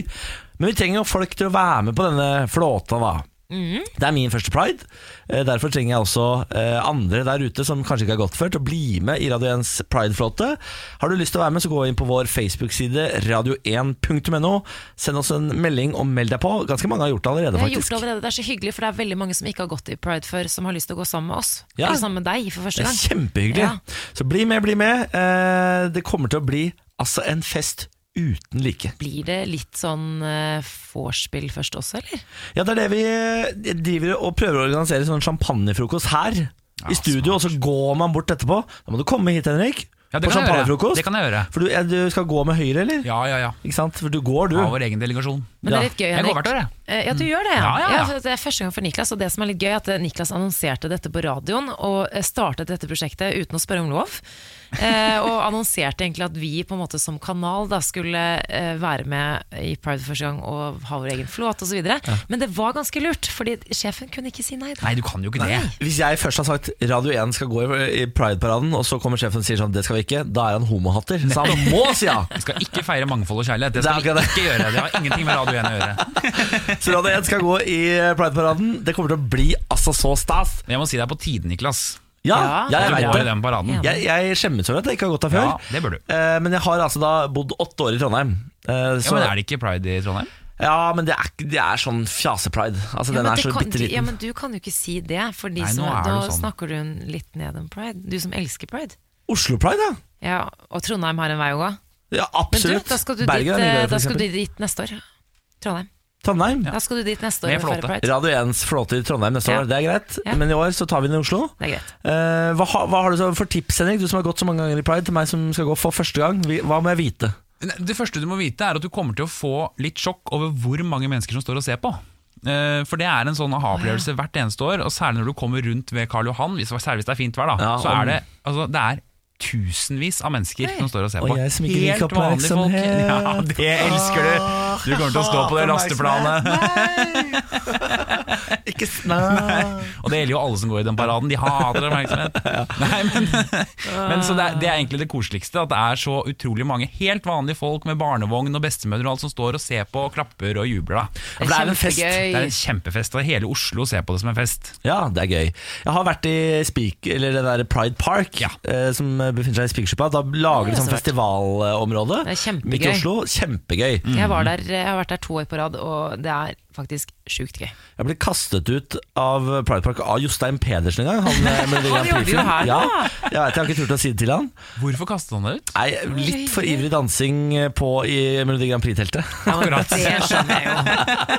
Det var jo fortjent, Niklas. Ja da, absolutt. Det er alltid fortjent. Ja da, og Jeg bærer ikke nag til Jostein Pedersen. Han gjorde absolutt eh, Det rette. det rette med å kaste meg ut. Men, Det var på tide å dra hjem, da. Av alle ting han blir kasta ut av Pride Park for, så Ja. er det å liksom danse for mye til Grand Prix-hits ja, som Jostein Pedersen spiller. Det er eh, veldig veldig overraskende. Jeg tror det er altså Når han sier 'danse for mye', Ja, det ligger noe det er- annet der. er det noe Et mer. eller annet skjedde. Har det Fordi vært det er lov å danse der, for å si det sånn. Ja, jeg dansa kanskje oppe på scenen hans. Ja, ok, Ja, det var det. ja. Er det noe mer du vil fortelle om det? Eller det var ikke noe mer enn det? Liksom. Var du na hadde du klær på? Hadde klær, ja. Ja, Ok. ja da, så, Men du så det tok spotlighten til Jostein Det det, det Pedersen, det. og det gjør du ikke. Jostein Pedersen så jeg spille plater, og så kommer en drita dansende Niklas Baarli opp på scenen. Det gidder ikke Jostein Pedersen å finne seg i. Av den scenen! Ut med deg. Dette er Jostein-scene. Ja. Ja. Men husk nå at det er andre mennesker som også skal være på flåten. Og sånn. Det må gi andre plass til skinnet også. Jeg skal halvere mengde Baarli okay. eh, på flåten. Ja. Å, så Får vi se på i hvert fall noen minutter. Skal jeg være halv I hvert fall noen minutter, lover jeg. Dere kommer til å bli altså så stas. Så meld deg på hvis du har lyst til å være med på Radio 1s Pride-paradeflåte. Gå inn på facebook.com radio1.no. Bare send oss en melding og skriv at du har lyst til å være med, så ordner vi alt sammen. Morgen på Radio 1. Hverdager fra sex. Samantha Skogran, Hei. Henrik Asheim. Hallo. Jeg heter Niklas Baarli. Dette er Morgen på Radio 1. Fram til klokka ti i dag så er vi på plass. Hvis du har noe på hjertet, send det inn til oss på Facebook. Radio1.no. Vi tar en kikk på dagens overskrifter. Kim Jong-un besøker Kina i dag. Syv menn pågrepet etter masseslagsmål i Larvik. Og Harry Kane ble helten da England vant VM-åpningen mot Tunisia. Nå skal vi en eh, tur over til Listhaug. Eh, på onsdag i forrige uke fikk Sylvi Listhaug igjen norske medier til å koke da hun la ut et Facebook-innlegg hvor hun kritiserer Arbeiderpartiet og byrådet i Oslo for å ha kastet ut de eldre fra Sankt Halvardshjemmet for å bruke det som overnattingstilbud for romfolk. I etterkant har flere av landets store aviser tatt et kraftfullt oppgjør med Sylvi, og mener hun driver med feilinformering, og påpeker at hun selv satt i byrådet da det ble besluttet at byens sykehjem måtte ha en viss standard, noe Sankt Halvardshjemmet ikke hadde.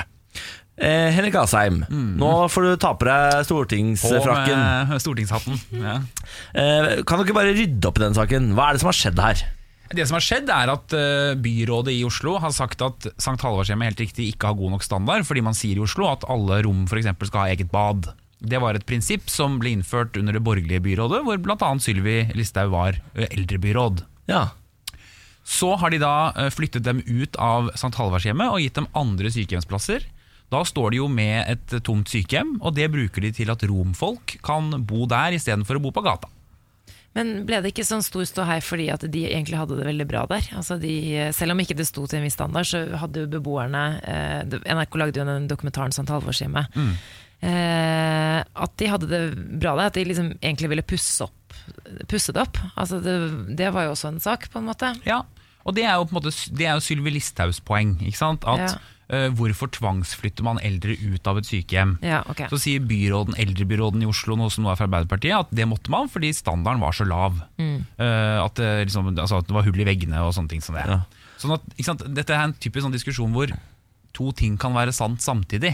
ja. Eh, og så krangler man om eh, er alt det den ene sier sant, eller alt det den andre sier sant. Men eh, hvis jeg forstår det riktig, så bjeffer nå Sylvi Listhaug på Facebook om, eh, for noe hun var med på sjøl.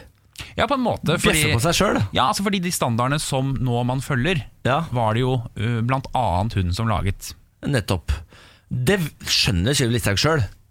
Ja, men så er det jo som Samantha inne på, at da sier hun kanskje at da, da burde man heller Altså hvorfor skal man tvangsflytte ut eldre fra et sykehjem de trives på? Uh, spørsmålet er ville et borgerlig byråd gjort det samme? Det kan godt hende at de ville gjort. uh, Fordi man da har bygget andre sykehjemsplasser som har bedre standard. Ja. Uh, Og det er veldig få som har lyst til å flytte, særlig den alderen der. Men på et eller annet tidspunkt så må du jo da bytte sykehjem da, hvis du ser at, uh, at standarden er for lav. Ja, Sylvi Listhaug eh, har jo kritisert mediene nå for å vri denne saken til å bli en personlig sak rundt henne istedenfor uh, St. Halvardshjemmet. Har hun et poeng i det? Er vi, er vi for glad i å vri ting over på Sylvi? Altså jeg tror, Når Sylvi sier noe, så tror jeg det provoserer mye mer enn når andre sier noe. Jeg tror mange biter på den, det agnet, da, for å si det sånn. Uh, hvis, hvis en annen fra Høyre hadde sagt det, så tror jeg kanskje ikke det hadde blitt det samme bråket. Det som er klart, er at det Sylvi samtidig la ut på Facebook, var jo altså, hun, Og det er jo det VG ganske riktig på lederplass påpekte, at hver setning var riktig. Ja. Men når du setter dem sammen, så høres det ut som man har kastet eldre ut av sykehjem for å gi plass til romfolk. Ja, Gråtende eldre har Ja, ja, kasta på gata. Eh, og det er jo ikke helt riktig. Ikke sant? altså, sånn, eh, og så sier hun ikke de har kastet ut eldre for å gi rom til, plass til romfolk. De har bare, hun har bare satt to setninger etter hverandre som gir det inntrykket. Eh, og det gjør at det blir sånn diskusjon. Men jeg syns det er fascinerende hvordan alt Sylvi Listhaug legger ut eller sier, skaper en helt sånn enorm samfunnsdiskusjon. Men er det Eh, måten hun da eh, på en måte er, formulerer seg på? Hva, det, det må jo være det. Ja, og så tror jeg kanskje det er summen av mange utspill Ja. som gjør at når det kommer et nytt, så blir det mer interessant med en gang. Men jeg så jo eh, statsminister Erna Solberg måtte ut og si at hun ikke kanskje ville brukt den retorikken nå også. Nå Ja, er hun jo ikke engang statsråd i regjeringen, så Ja, for- men, altså Sylvi Listhaug hun, eh, hun klarer unektelig å skape masse føss rundt sine politiske meninger. Mm. Men hjelper hun Frp nå, eller jobber hun imot Frp nå? Nei, jeg tror, altså jeg tror det hun sier er jo skaper sikkert eh, entusiasme det hos deler av Frp, det er helt, eh, helt sikkert. Men jeg tror at altså, problemet er at hvis man setter disse tingene opp mot hverandre uten at det egentlig er grunn til det, så tror jeg det i hvert fall kan skape en forvirring der ute, da, som fører til å fremstå som at romfolk er viktigere enn eldre. Ikke sant? Som er en sånn måte å snakke på som jeg tror provoserer mange, kanskje uten grunn. Ja, eh, Det virker nesten som på en måte, Frp-velgere, altså folket, eh, er veldig fan av Sylvi, men at folk kanskje innad i partiet kan bli litt sånn åh, men må du si det på den måten der? Ja, mm. Grunnen til det er jo fordi de som eh, reagerer og klikker i kommentarfeltet til Sylvi Listhaug, de forholder seg kun til det Sylvi Listhaug skriver der. De klikker seg jo ikke videre, åpenbart. Mm. de, for, de kjøper de fire setningene til Sylvi Listhaug eh, og tenker sånn Da er dette sant, og så er jeg jævla forbanna nå, og så skriver jeg det høyt og tydelig, og så får det stå som sannheten for de da. Ja. Er ikke det et jævla problem, da? At en eh, politiker så høyt oppe i systemet kan villede folk på den måten? Ja, men så- ikke sant? Og så, har så sier jo Sylvi at hver gang jeg sier noe, så skal hele den etablerte pressen gå løs på meg. Og det har hun jo litt rett i, når hun har fått alle lederartikler mot seg. Jeg må og, slutte å skrive sånn drit, da! Ja, men Ber man ikke litt om det og skrive litt som du sa med setningene, men i, Ja, ja. altså, da. da må du slutte å det formulere er det sånn, sånn, da. ikke sant? Og det, er, det, er litt sånn, det er det som er, det er sånn skummel dans som foregår, hvor liksom en sier noe som er litt provoserende, og så blir den andre så forbanna at de kliner til. Og sant? Hva er det beste som kan skje Sylvi Listhaug i en sånn sak? Det er at noen går for langt i kritikken av henne. Ja. For da kan hun si Der kan dere se, det var ikke det jeg sa, jeg sa sånn. Og så blir det liksom tatt litt ned. Det er liksom sånn klimaforsker som sier om fem år er det ikke snø i Nordmarka. Uh, og så er det snø der om fem år, og så sier alle sånn ja, da fins ikke klimaendringene. Ja. Jo, det gjør de, men kanskje ikke så fort som man hadde trodd. Så det er hele tiden sånn derre Jeg om ser å for gjøre å meg en- misforstå hverandre. Ny leder, skummel dans med Sylvi. Ja, det er en fin Skummel leder. dans med- nei. Skriv den, du. eh, Skriv, skriv, du skriv den, eh, Henrik. Jeg kan jo ikke skrive den. Kronikk. Kronikk. Mm. Jeg lurer på om det er en leder plass i First Out til Sylvi Listhaug snart. jeg. Ja, kanskje hadde vært behagelig for alle. Hadde vært, Rå. hadde vært Sier rå i behagelig. jobben sin. Ja, ja, du er gæren. Sikkert åpenbart kjempegod. Åpenbart. Irriterende god, si. Morgen på Radio 1. God tirsdag morgen. Samantha Skogran, hvordan går det med deg? Det går fint. Godt å høre. Henrik Asheim, gjesteprogramleder, hvordan går det med deg? Det går meg fint med meg, takk. Det går meg, meg fint. Meg, meg fint. Vi går til dans her litt sekund. Ja. Shit, ass, for en språkkunnskap. du har. Ja. Det går så veldig bra med meg, takk som spør. Ja. Ja, vær så god. Niklas, jeg har en nyhet til deg. Ja, Nå skal det handle litt om deg, så da er jeg fornøyd. Dataspillavhengighet får status som psykisk lidelse. yes! Det var på tide. Du er syk, Støtte fra staten! syk. Støtte fra staten! I den siste internasjonale oppdateringen av eh, av eh, Hva heter det? WHO, det er verden... ah, Hva heter det for noe? Verdens er- helseorganisasjon. Ja. Eh, en oppdatering av deres liste over psykiske lidelser er gaming disorder. Disorder. Er ikke du amerikaner? Bør ikke du kunne dette? Jeg bare ler at ikke jeg tar deg seriøst. Nå skal jeg ta det seriøst. Ja, jeg seriøst, ja. Gaming disorder kategorisert som en egen lidelse. Og de mener at dette vil bidra til at verdens land gjør mer for å identifisere problemet, slik at det bidrar til bedre folkehelse. Men er, det her, er du for det her? Er det, det her er kanskje nødvendig, eller? Det er jo veldig mange unge gutter som sliter med Og at de spiller for mye, at de har blitt hekta på dataspill. Så det er på tide. Litt seint, nesten. Ja. Det er veldig mange mm, Det er jo en virkelighetsflukt for mange, da, vet du. Men det, er, det fins kritikere òg av at de har gjort dette, fordi de mener at det skaper unødvendig bekymring hos foreldrene. Ja. Ja, det er jo som med alt annet da. Eh, Du må jo eh, Er det ikke bare å ta passe på? si? Altså, hvis ungen din ikke går på skolen, f.eks., da er det grunn til å bli bekymra. Hvis ungen din ikke er ute og leker med andre barn innimellom, så er det grunn til å bli bekymra. Det er ikke noen vits å bli bekymra fordi sønnen din sitter fire timer hver dag og spiller Fifa. Det er ganske vanlig. Men du satt oppe til to i natt. Ja, Men jeg er voksen. 29 år. Jeg kom på jobb, det er Ja. poenget. Men Hadde jeg ikke kommet på jobb lekte du ikke med noen andre i går, da? Jeg lekte ikke med noen andre enn meg selv. Nei, ok. Jeg er bikkja, da. Jeg og Bjarne lekte litt. Ja. Så jeg hadde litt kontakt med et annet Har du spilt vesen. noe dataspill, Henrik? Nei. I løpet av din eh, livstid? Nei. Nei, men herregud, han ble jo født 50 år. Han er jo politiker. Dere er jo de som eldes øh, først. Altså, du, Ja. har jo vært politiker. Hvor, hvor lenge har du vært politiker? Jeg har vært altså, en ordentlig politiker i ti år. Ja, Unge Høyre, når starta du, liksom? Jeg starta i 2001, men da var jeg bare sånn tillitsvalgt. da Ja. Men eh, fra 2008 så har jeg liksom jobbet med det. Ikke sant. Og hvor gammel er du? 34 år. Ikke sant, Så du har jo vært 50 år Men siden er er det liksom at hvis du ikke spiller dataspill, så er du gammel? Men her er det, her er det omvendt, sånn det er. eh, omvendt mobbing. Her er det sånn Hvis du ikke har gamet, da er du skikkelig gammel og Ja. Det er ikke Ja, det jeg sier. Jeg sier, det er ikke det, det er ikke det jeg sier. Jeg sier at du har gått i dress siden 2008. Nei, det har jeg ikke. Nei, la oss alle være venner. Du har vært på gathering siden 2008. Det stemmer det. Det stemmer det Vi har alle vårt. Vi har alle vårt å stri med, Henrik. Ja, vi har det. Jeg ble litt eh, glad øh, og sjokkert over sir Jeff Hurst, som øh, Ja, du er jo selv sammen med en idrettsmann, Ja, Samantha. Som mente at det at konene var med på fotball-VM, det var en skandale. Ja! Han viste, for han var med på å vinne VM i 1966, og den gangen så låste de konene inne på et eget rom under banketten. De fikk ikke lov til å være med under middagen, fordi de var bare i veien. Alt var bedre før, ass. Men de var der. De var, de var med, men de var på hotellrommet. Ja, ja, De fikk ikke lov til å være Nei, sammen med dem. Man ble skjønner. låst inne på et eget rom for å spise middag. Ja, Er ikke men, det en litt stilig type, han der? Stilig type. Men for det var også en sak om at noen av uh, fotballspillerne jeg husker ikke hvilket lag det var, men som har fått sexnekt. At de ikke får lov til å ligge med damene sine under et mesterskap. Og Det er veldig vanlig, er det ikke Det det? har Hvorfor vært det? eh, Nei, fordi at noen mener jo at du da f.eks. For eksempel boksere og sånn da Som ikke har eh, sex eh, på en måte, I hvert fall to døgn før en kamp For da, de samler opp på en måte energi og alt sånn Ja. Eh, Det er ganske vanlig å ha sexnekt, altså. Faktisk, i ja, klubber og sånn. I idretten og sånn, i hvert fall Ja. under mesterskap Og litt sånn smittegreier også da For at eh, kona da lever et vanlig liv blant folk Og så drar hun med seg masse Ja, Så de kan bli syke av det. ja, ja, det også, men jeg tror ha- det, det har noe med kroppen At du er mer litt sånn tent da, faktisk Altså bokstavlig talt Ja. eh, Hvis du får klamydia av kona di, så er det større problemer Men- på gangen. eh, Det stemmer. Men men boksekampen. Sexnekt, sexnekt i idretten kan jeg forstå, men å låse folk inne Låse kona dine på Ja, et så rom du vi får ikke lov å spise middag med deg, liksom? Nei. Det er en ganske Ok. kjip ting å si. da kan konene gå inn her, skal vi låse Ja, dørene? ja, lås dørene. Men banketten også, da er jo alt ferdig, Ja, så han det har er på en måte det ikke som noen er grunn sykt. til det heller. Men han medga at etterpå var det veldig hyggelig å møte dem. Ja, selvfølgelig. Og etterpå, ja. Etter middagen. Etter Når festen. de var spist og fulle, da var det deilig å møte damene. Kom- Komme hjem til soverommet. Nei, fysj. Vi skal over i spalten Morgen på Radio 1 Aviser deg Norge, eh, hvor vi tar for oss en lokalavis hver eneste uke og følger den eh, jevnt og trutt uken gjennom. Denne uken her så er det jeg som tar over spalten for Ken, som er borte på Kreta med mora si. Og for å eh, være meg sjøl, så valgte jeg Moss Avis, selvfølgelig. Ja, selvfølgelig. Selvfølgelig. Eh, I dag har jeg en eh, glitrende sak. I går snakket vi om at eh, det er en bande som raser gjennom Moss og stjeler vimpler og flagg med mossekråka på. Ja vel. Eh, Moss, kommune, Moss Drift og Anlegg er jævla forbanna nå, for det koster flere tusen kroner for hver, for hver vimpel. Eh, det var gårsdagens sak. Ja. Dagens sak er eieren av tennene er funnet. A- a- A? Eieren av tennene er funnet. I helgen ble det funnet et gebiss i Moss sentrum. Jeg fant dem ved 10-11-tiden lørdag formiddag ved Posten i Gudes gate, forteller Kari Rogstad.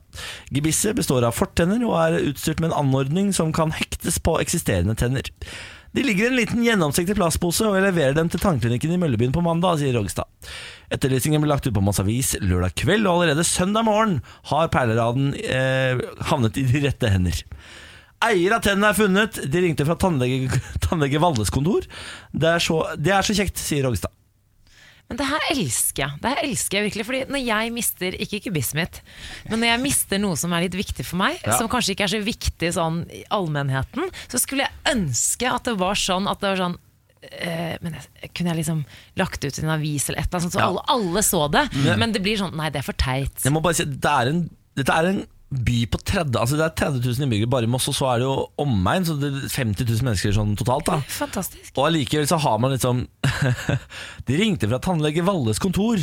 Det er så, altså det er så Det er så lokalt og fint. Jeg elsker det. Koselig. Altså er det da sikkert dette mennesket som har vært uten gebisset noen dager. Sikkert veldig veldig Hvor dyrt er det gebiss, f.eks.? Det kan være dyrt, det. Det er bilde av gebisset på saken. Du kan gå inn og se på hvordan et gebiss ser ut når det ligger i en plastpose. Flotte, hvite tenner. Det er rart å ikke merke at du mister gebisset ditt. Ute og går, og så detter det ut, og så tenker du ja, bare rusler videre. Det er sånn hekta på. Altså, du har bare du har sidetennene, men ikke fortennene. Ja, å, ja, sånn, ja. ja, Men da merker du det jo ikke. Hva skal du med fortenner? Nei. Uh, Morgenprat 1, Aviser av Norge, ny runde med Moss Avis i morgen. Nå får du snart eh, Pink, What About Us, og så blir det altså morgenkvist med Lars Berrum. God morgen, Lars! God morgen! Der er han, vet du. Han er på plass, han. Morgen på Radio 1. God tirsdagsmorgen. Her er Henrik Asheim, god morgen. God morgen. Her er Samantha Skugran. God morgen. Og så har den fader meg kommet inn, den høye, lange slampen fra Bærum. Ja. Lars Bærum. Ja, hyggelig, hyggelig. Takk, takk, takk. Den trengte jeg i dag. Ja? Eller Jeg vet ikke om jeg trengte den i dag, men det er alltid hyggelig med applaus. Ja, Det er ikke det dummeste som kan skje deg. Du er jo her, Lars, fordi du er en jævel på quizefolk. Ja. Eh, skal vi bare like godt skride til verket? Kan vi ikke gjøre det? Jo. Lars Bærums morgenquiz. Ja, eh, disse reglene er jo ganske enkle. Det er tre spørsmål som eh, kastes ut på bordet, og så skal eh, dere forhåpentlig svare riktig. Og så er det slik at alle svarene kommer helt til slutt. Er vi på lag? Dere er på lag, ja. Okay. Dere er et team. Eh, og av erfaring Du er jo gjesteprogramleder i dag, Henrik. Av er. Eh, erfaring så er du ikke på et sterkt lag nå. Eh, så her må du Du må ta mye, mye ansvar. Det, er det som er kjipt, er hvis du da ikke kan svarene, så har du på en måte ingen å lene deg på. Nei, nei, nei, nei. Jo, da har en å lene deg på, Niklas Baarli. Han svarer hele tida, og kan, hvis du har riktig, og så kan han også komme og stikke kjepper i hjula, Ja. sånn at du får svart feil, og så er han fornøyd. Stemmer det, for jeg eh, kan finne på å forvirre, ja. Det stemmer det. Men han, han typen der har vi alle vært på hyttetur med, og han er irriterende. Ja. han i klassen som bare rakk opp hånda hele tida. Sånn, sånn, eh, som tenkte bare sånn Jeg kan ingenting, men jeg får få eh, poeng for at jeg er aktiv i timen.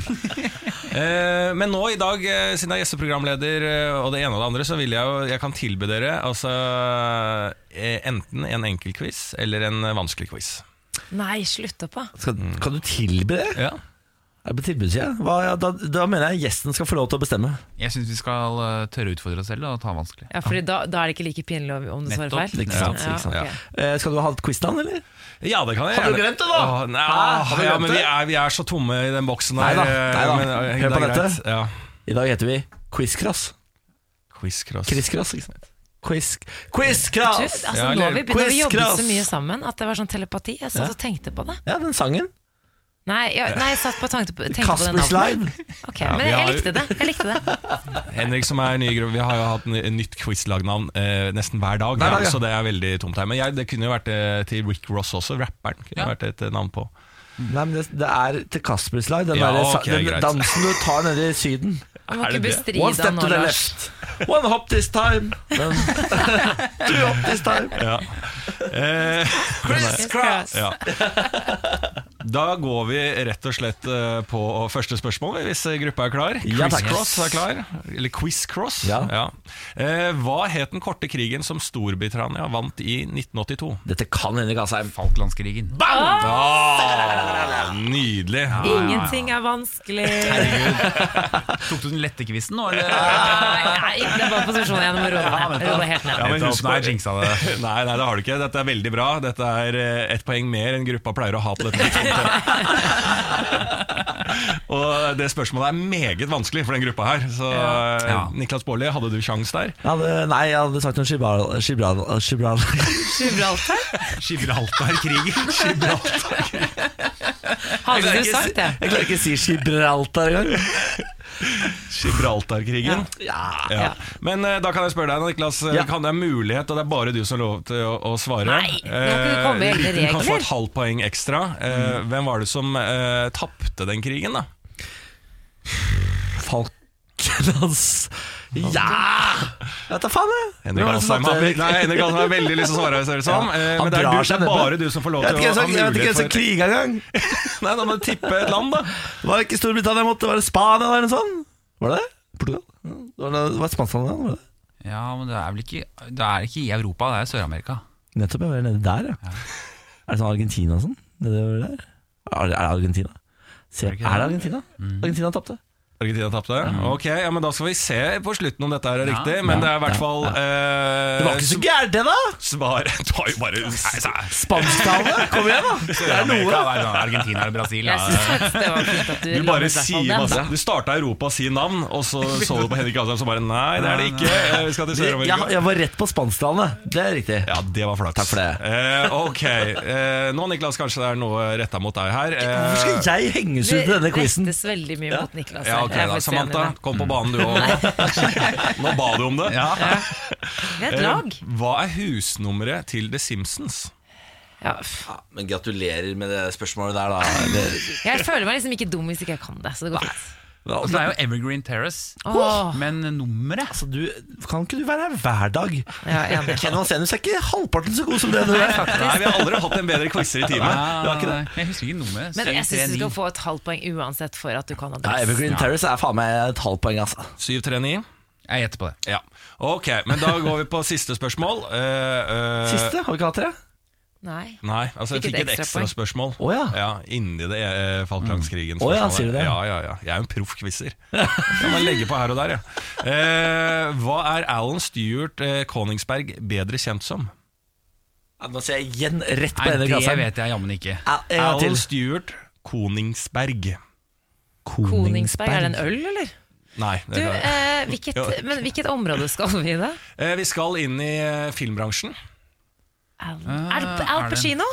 Nei, men han heter ikke noe så rart. Koningsberg. Al Stuart Koningsberg. Det er fra Al Pacino er jo med, Han er med ikke, han er ikke fra den eh, Ja, nettopp.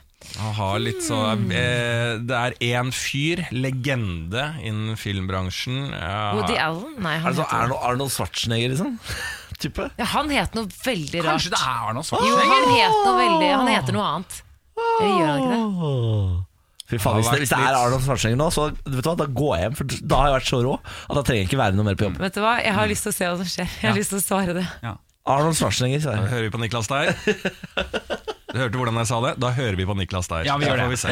Eh, spørsmål eh, Da får vi alle svarene, Ja, rett og slett. du var Det blir spennende. Nei, han, oi, nå- nei, nå kom jeg på noe. Glem det. Hvem var det het den korte krigen som Storbritannia vant i 1982? Her smalt det tidlig fra gjesteprogramleder og fantastiske quizer Henrik Asheim, eh, og han sa Falklandskrigen, og det er riktig! Og så la jeg på, her er det mulighet for 0,5 poeng eh, til her. Et ekstraspørsmål i spørsmålet. Og det nailer jeg ganske Hvem greit. tapte krigen? Og Argentina, da start, starta jeg Europa, vandra deg nedover til Sør-Amerika med gode blikkhjelp fra Henrik Asheim. Jeg sa umiddelbart spansktalende, sa jeg. Nei, du sa Spania! Spansktalen, sa jeg. Og det endte i hvert fall med Argentina, og det er riktig! Veldig, veldig bra. Veldig bra, Niklas. Eh, Takk for det. De Takk for mener det. jo fortsatt at de, er, eh, de eier disse, denne øya. Spennende. Eh, holdt jeg Veldig spennende. Ja. Hva er husnummeret til The Simpsons? Evergreen Terrace sa Henrik Ja, men det er Ja. ikke nummeret, da. Nei, Nei, men du sa da 739, sa jeg. 739. Og dette her er jo nesten helt fantastisk, for det er 742. Nei! Så det er poeng, altså. Ja, det er poeng, ja. Da er du såpass nærme huset at du kan se det. Så Ja, du kan det. du kan spørre naboen, liksom. Ja, det er bare rett borti der. Så det er går. Du hadde funnet frem, det er det viktigste. Der er Flanders bord. Og så var det da siste spørsmålet. Hva er Alan Stewart Koningsberg bedre kjent som? Jeg sa eh, Arnold Schwarzenegger. Og igjen så overstyrte du eh, bordet, for det ble sagt på bordet. Det ble sagt Woody Allen. Ja, var, det var jeg som sa Og det er Jeg vet riktig. det, jeg vet det. Oh, nei. Men det var ikke jeg som overstyrte bordet. Jo, jo. Ble, Det Jeg advarte mot dette på det forhånd. Dere kommer til å ha riktig svar på bordet, og så kommer Niklas Baarli til å skrike ut et annet navn, og dere går for det. Det er feil. Jeg tar det, jeg tar det poeng for meg selv, altså innvendig, Ja, Ja, selv men to og et halvt poeng av Ja. tre mulige, det er bra, det. Det er kjempe. ja da, det er kjempebra. Det ødelagt på innsiden. Da. Lars Det er derfor jeg er her sånn personlig. Niklas, han ble noen centimeter Lars lavere. Lars Berrum. Det var hyggelig å ha deg innom. Sa ikke du skulle gå hjem hvis det var feil? Jo, men det var riktig, skal jeg gå hjem, for da hadde det vært så Ja, ja. sånn. Ja ja, Lars! Gå med Gud, da. Ja, jeg skal gjøre det. Morgen på Radio 1. da. Vi har gjesteprogramleder i dag. Hans navn er Henrik Asheim. Hallo! Applaus nå, ja. Jeg glemte at vi har, vi har ikke gitt applaus i dag. Har vi Det det? har ikke, nei, overhodet ikke. Null Jeg legger, meg, vet du hva? jeg legger meg så flat som jeg klarer å legge meg. Ja. Eh, Det er ikke så veldig flatt. Nei, det er ikke så veldig flatt, det er, det er helt riktig. Men jeg presser meg ned. Ja. Det kan jeg i hvert fall. Vakkert. Eh, Beklager og beklager og beklager. Men det er hyggelig å ha deg her, Henrik. Du har jo altså, vært her siden eh, 06.04 i dag, du. Ja. Og holder deg gående. Nei, ja, ja. Ja, det er Jeg vil jo si alt før sju er om natten. Ja, Før sju, faktisk. Ja. For sju? Ja, men hvis det står seks et eller annet Den fra fem til seks er natt Fra seks er det morgen, tror jeg. Er ikke det Ja, jeg skjønner at de fleste kanskje mener det. Jeg er usikker på det. Men du er B-menneske. Ja. Jeg har lest en sak som forbauser meg litt. Uh, hvor eh, Det er- handler om VM, Fordi nå begynner jo disse litt mer sånn kuriøse sakene fra VM å komme. Uh, og nå uh, er det en sak om at de har manipulert naturen for å unngå knott under VM i Russland. Ja. Volgrad har altså slitt noe voldsomt med knott og mygg. Eh, og for å bli, få bukt med de greiene her, så har de slutt Altså de har stansa et elveløp. Sånn at det ikke er fuktig der lenger. ja, sånn ja. Så nå er det ikke mygg og knott rundt fotballstadion. Jo, det er jo nettopp det der. Eh, du, om man så Englandskampen i går, så så du at flere av de engelske stjernene slet noe voldsomt med myggen. Og Sky Sports og de måtte jo av, altså avslutte alle intervjuer og sånn, for det var så mye mygg på, på fotballbanen. Da- Hvorfor har VG en sak om at det ikke er det, da?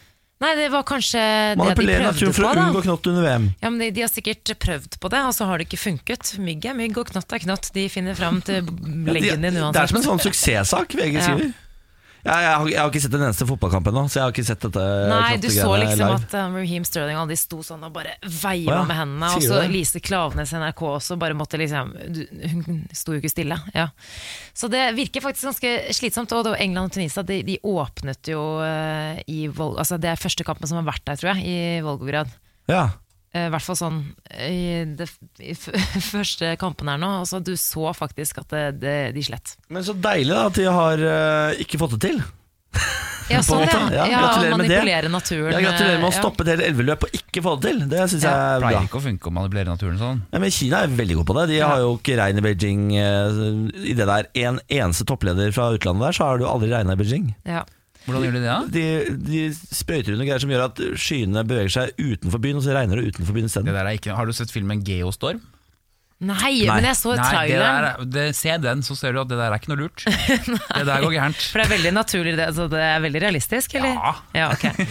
Dere, I Kens eh, fravær så har jeg tatt på meg ansvaret å holde dere her i studio, og eh, du som lytter, oppdaterte på det som skjer eh, under VM.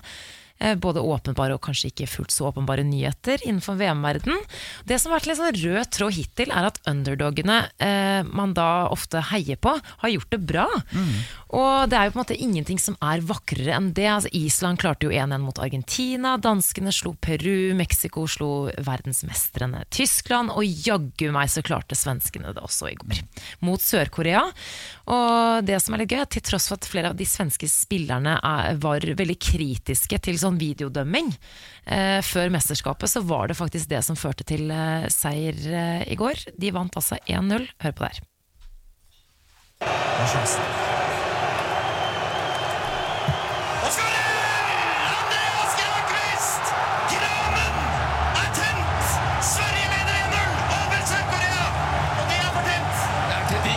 Det er fortjent. Sveriges Viktor Claesson ble felt innenfor Sør-Koreas 16 meter, og dommeren vinket da spillet videre. Ah. Så det ville egentlig gått videre. Eh, og Sør-Korea var allerede i angrep, men da grep videodommerne inn rett og slett, og ga Sverige straffe. Og da var det her som vi hørte Andreas Grankvist som holdt hodet kaldt. Han var tilsynelatende nervøs. Det så man ganske godt. Men mister man ikke litt av sjarmen med fotball? Det er man- sikkert det de mente, da. Sverige. Ja. Men nå, er det jo, nå snur de jo, selvfølgelig. Ja, selvfølgelig. jeg bare, for jeg har sett eh, det, For det første så ser jeg jo det der så forbanna dumt ut, det der VAR-rommet. Har du sett det? For Ja. det, der står, Ja. det står 14 menn i dommerdrakt og ser på skjermer. Det er, ser altså så jævla dumt ut. Ja. Men ellers så storspilte jo da stjernespekkede Belgia, og et ungt England-lag slo Tunisia eh, i sin åpningskamp. Slet altså voldsomt med myggen, det er verdt å nevne. Um, Men hvor mye kan du slite med mygg hvis du løper på banen der? da? Kom igjen, da. jo, men det er, det er plagsomt. Ikke så Du, det er plagsomt. ikke nok til at du sliter med myggen i en Ja, har- fotballkamp. Har- klarer altså, jeg fikk 46 uh, sånne kleggbitt en gang uh, på bena mine. Nei. Og, jo, det er helt Nei sant. Og så forstyrrende kan det være. K- Ja, knott er kanskje ikke like ille, men mygg altså, de, Hvem vet hvor aggressive russiske mygg er? Det vet vi ikke. Nei. Det kan være at de ikke er Hvis de er som russere generelt, så Ja, ja. Driter full på vodka, biter som et helvete. Men jeg må bare ta med en liten ting som ikke er sånn uh, kjempesportslig. Ja. Og det er at eh, eh, det meksikanske fotballforbundet må nå eh, gå ut og eh, har nå refset sine egne fans. Jeg er litt skuffet over meksikanerne, egentlig, for å være helt ærlig. Hva? Jeg har hatt meksikansk, Henrik, og jeg heier jo da selvfølgelig på Mexico under VM. Men de ber nå egne fans droppe homohets. Ja. Meksikanske fotballforbundet eh, ber fansen om å slutte med homofobiske tilrop under VM. Rop som 'puto' ble hørt under Mexicos 1-0-seier over Tyskland. Og det er visstnok homo, et homohetsende uttrykk. puto var Altså, puto, Puta puta madre er jo morapuler. Ja. Men jeg blir så skuffa, for de var så søte. De fikk så skryt over hvor søte de var etter den seieren mot Tyskland. Og så ah, må de være sånn. Jeg er skuffet over mitt eget folk. Ja, det er bra. Ja. Det er bra du tar ansvar, burritoen. Det er veldig bra. det er god mat, da. Det er veldig god mat, ja. Å, herregud, burrito er godt, ja. Det er godt. Ja, takk. Salsa. Salsa. Mm. Oh, hei, oh. Dette er morgen på Radio 1. Altså, nå får du skryt på Facebooken, Henrik. Nei da. Anders skriver til oss Hei, jeg synes Henrik Asheim gjør en så god jobb at dere må låse han inn etter sending, slik at han kan være der fast. Åh, Hæ, det er ikke det koselig? Tusen takk, Anders. Ja, er det en det er venn av deg, eller Henrik? Nei. Nei. Mamma- Jeg har skrevet det selv. Jeg har laget masse sånne fake kontoer. Som jeg Mamma, det hadde vært gøy hvis du kunne sende inn en sånn melding mens jeg på radioen. Katrine Asheim. Det går kjempebra. Eh, Vi skal over i vårt eh, faste segment som heter Fortell oss noe du vet. Ja. I dag er det deg, Henrik. Henrik. Hva er temaet i dag? Det er fly. Det er fly. Fly! Ja, og jeg må bare, fordi det her er jo trist, liksom. Det er jo trist å være interessert i fly. Det Det er nerdete. Det er en egen type folk som sitter med sånn klappstol og kamera på enden av rullebaner og tar bilder. Det er riktig. Det er ikke Og det er sånn, ja, det er ikke sånn, «Å, jeg tar flytimer», liksom. Nei, for det, det som er bakgrunnen for denne historien er at jeg er en pilot fanget i en politisk kropp. Ja. Eh, jeg skulle bli pilot, jeg. Det var det jeg skulle bli. Så ble det ikke det. Eh, ja, og så gikk jeg på sånn helsekontroll på ungdomsskolen. Å, nei. og så sa de 'du er rød og grønn fargeblind'. Ja, ikke sant. Og det er litt dumt i en cockpit. Ja, du er jo ja, for Du hadde kledd å være pilot. Ja, tror du ikke? Ja, det hadde Helt pilot. Ja, det er det. Ok, Nå skal vi sette i gang. Fortell oss. Fortell oss, fortell oss noe du vet. Hva har du lyst til å si om fly? Jeg har lyst til å si, jeg har lyst til å si veldig mye om fly. Ja. Eh, men, men sannheten er jo at siden jeg da ikke kan bli pilot, så lever jeg jo litt sånn ikke sant? Det er liksom å være en kvinne født i mannekropp. Da kan du kle deg ut som kvinne av og til. Ja. Uh, og det er litt det jeg gjør. Jeg kan mellomlande med for god tid på store flyplasser f.eks. Og gå rundt og se på fly. Eh, lyden av en Boeing 777 som tar av, kan få hjertet mitt til å gjøre et hopp. Ja, men Det gjør det for meg også, bare at jeg har flyskrekk. Å ja. Men jeg, jeg blir fascinert av å høre fascinasjonen, for kanskje jeg kan uh, lære meg litt ja mer. altså, for det første, bare det at de kan fly, Ja. er jo fascinerende. Det synes jeg også. Ja, det er Ja. faktisk ganske sykt. Uh, og Det er derfor jeg tror jeg er fascinert for store fly. Det er fordi Hvordan i helsike kom det greia der opp i luften? Hva er ditt favorittfly, da? Mitt favorittfly er Boeing 777. Det er verdens største Er det en tomotorsfly. toetasjers? Ja. Nei, det er én etasje. Ja. Eh, Det har bare to motorer, men de motorene er verdens største flymotorer. Ja. Eh, og de er altså så store. og det er en sånn, Når den gasser opp, så høres, bråker det ikke. Det er bare en sånn metallisk, hul, mektig lyd. Wow. Som bare, ikke sant? Tenk deg å sitte i en cockpit, og så skyver du på en spak, og så skyver du liksom tusenvis av tonn med skyvkraft bakover. og så bare fyker du ned rullebanen på 350 km i timen, og så drar du en spak, og så flyr Ja. den greia, som er bare full av folk som sitter og spiser nøtter og ser på film. Ja, det er Det er jo helt sykt. Det tenker jeg når jeg ser opp i lufta, så tenker jeg sånn, der sitter det noen med en liten sånn peanøttpose Ja, og koser seg, det liksom. gjør de. Ja. Vi har eh, laget en liten quiz, Henrik, for å se hvor god du er i fly, egentlig. En flyquiz. En flyquiz. Er du klar? Spørsmål nummer én. Hvilket navn er flyet Lockheed C130 bedre kjent som? Tristar. Å, herregud. Nei, feil. Hæ? Nei, det er Lockheed 1011, det! Ja. Hva sa du nå? En gang til. C130. Lockheed C130. C130? Ja. Nei, det vet jeg Vi ikke. har det. Tenk norsk militær og bistand. Ja, er det Hercules? Det er Hercules! Ja, det nettopp! stemmer. Ja, du redda deg inn der, Henrik. Det var bra.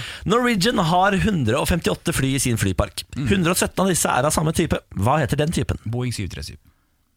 800. 800. Ja, ja. det stemmer.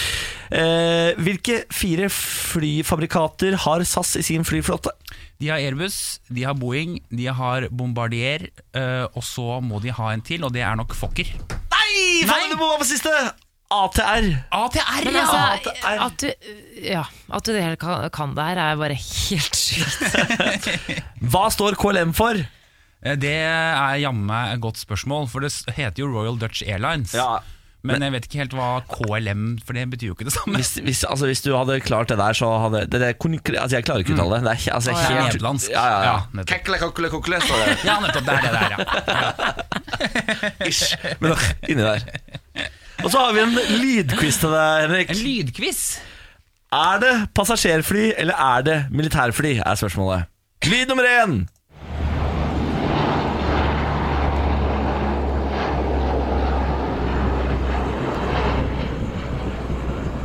Ja, Altså, det er jo et propellfly, Ja. eh, så det kan jo være begge deler, men derfor så gjetter jeg på militærfly. det er riktig! det er Hercules! Ja. Lyd nummer to. Er det passasjerfly eller er det militærfly?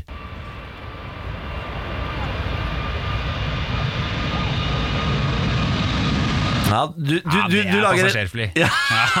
Det, det var så enkelt for deg at du lagde sånn Herregud, gjør det litt meg noe vanskelig, liksom. da. Ok. Skal vi se om eh, fly nummer tre kan sette deg ut av spill. Hva er dette?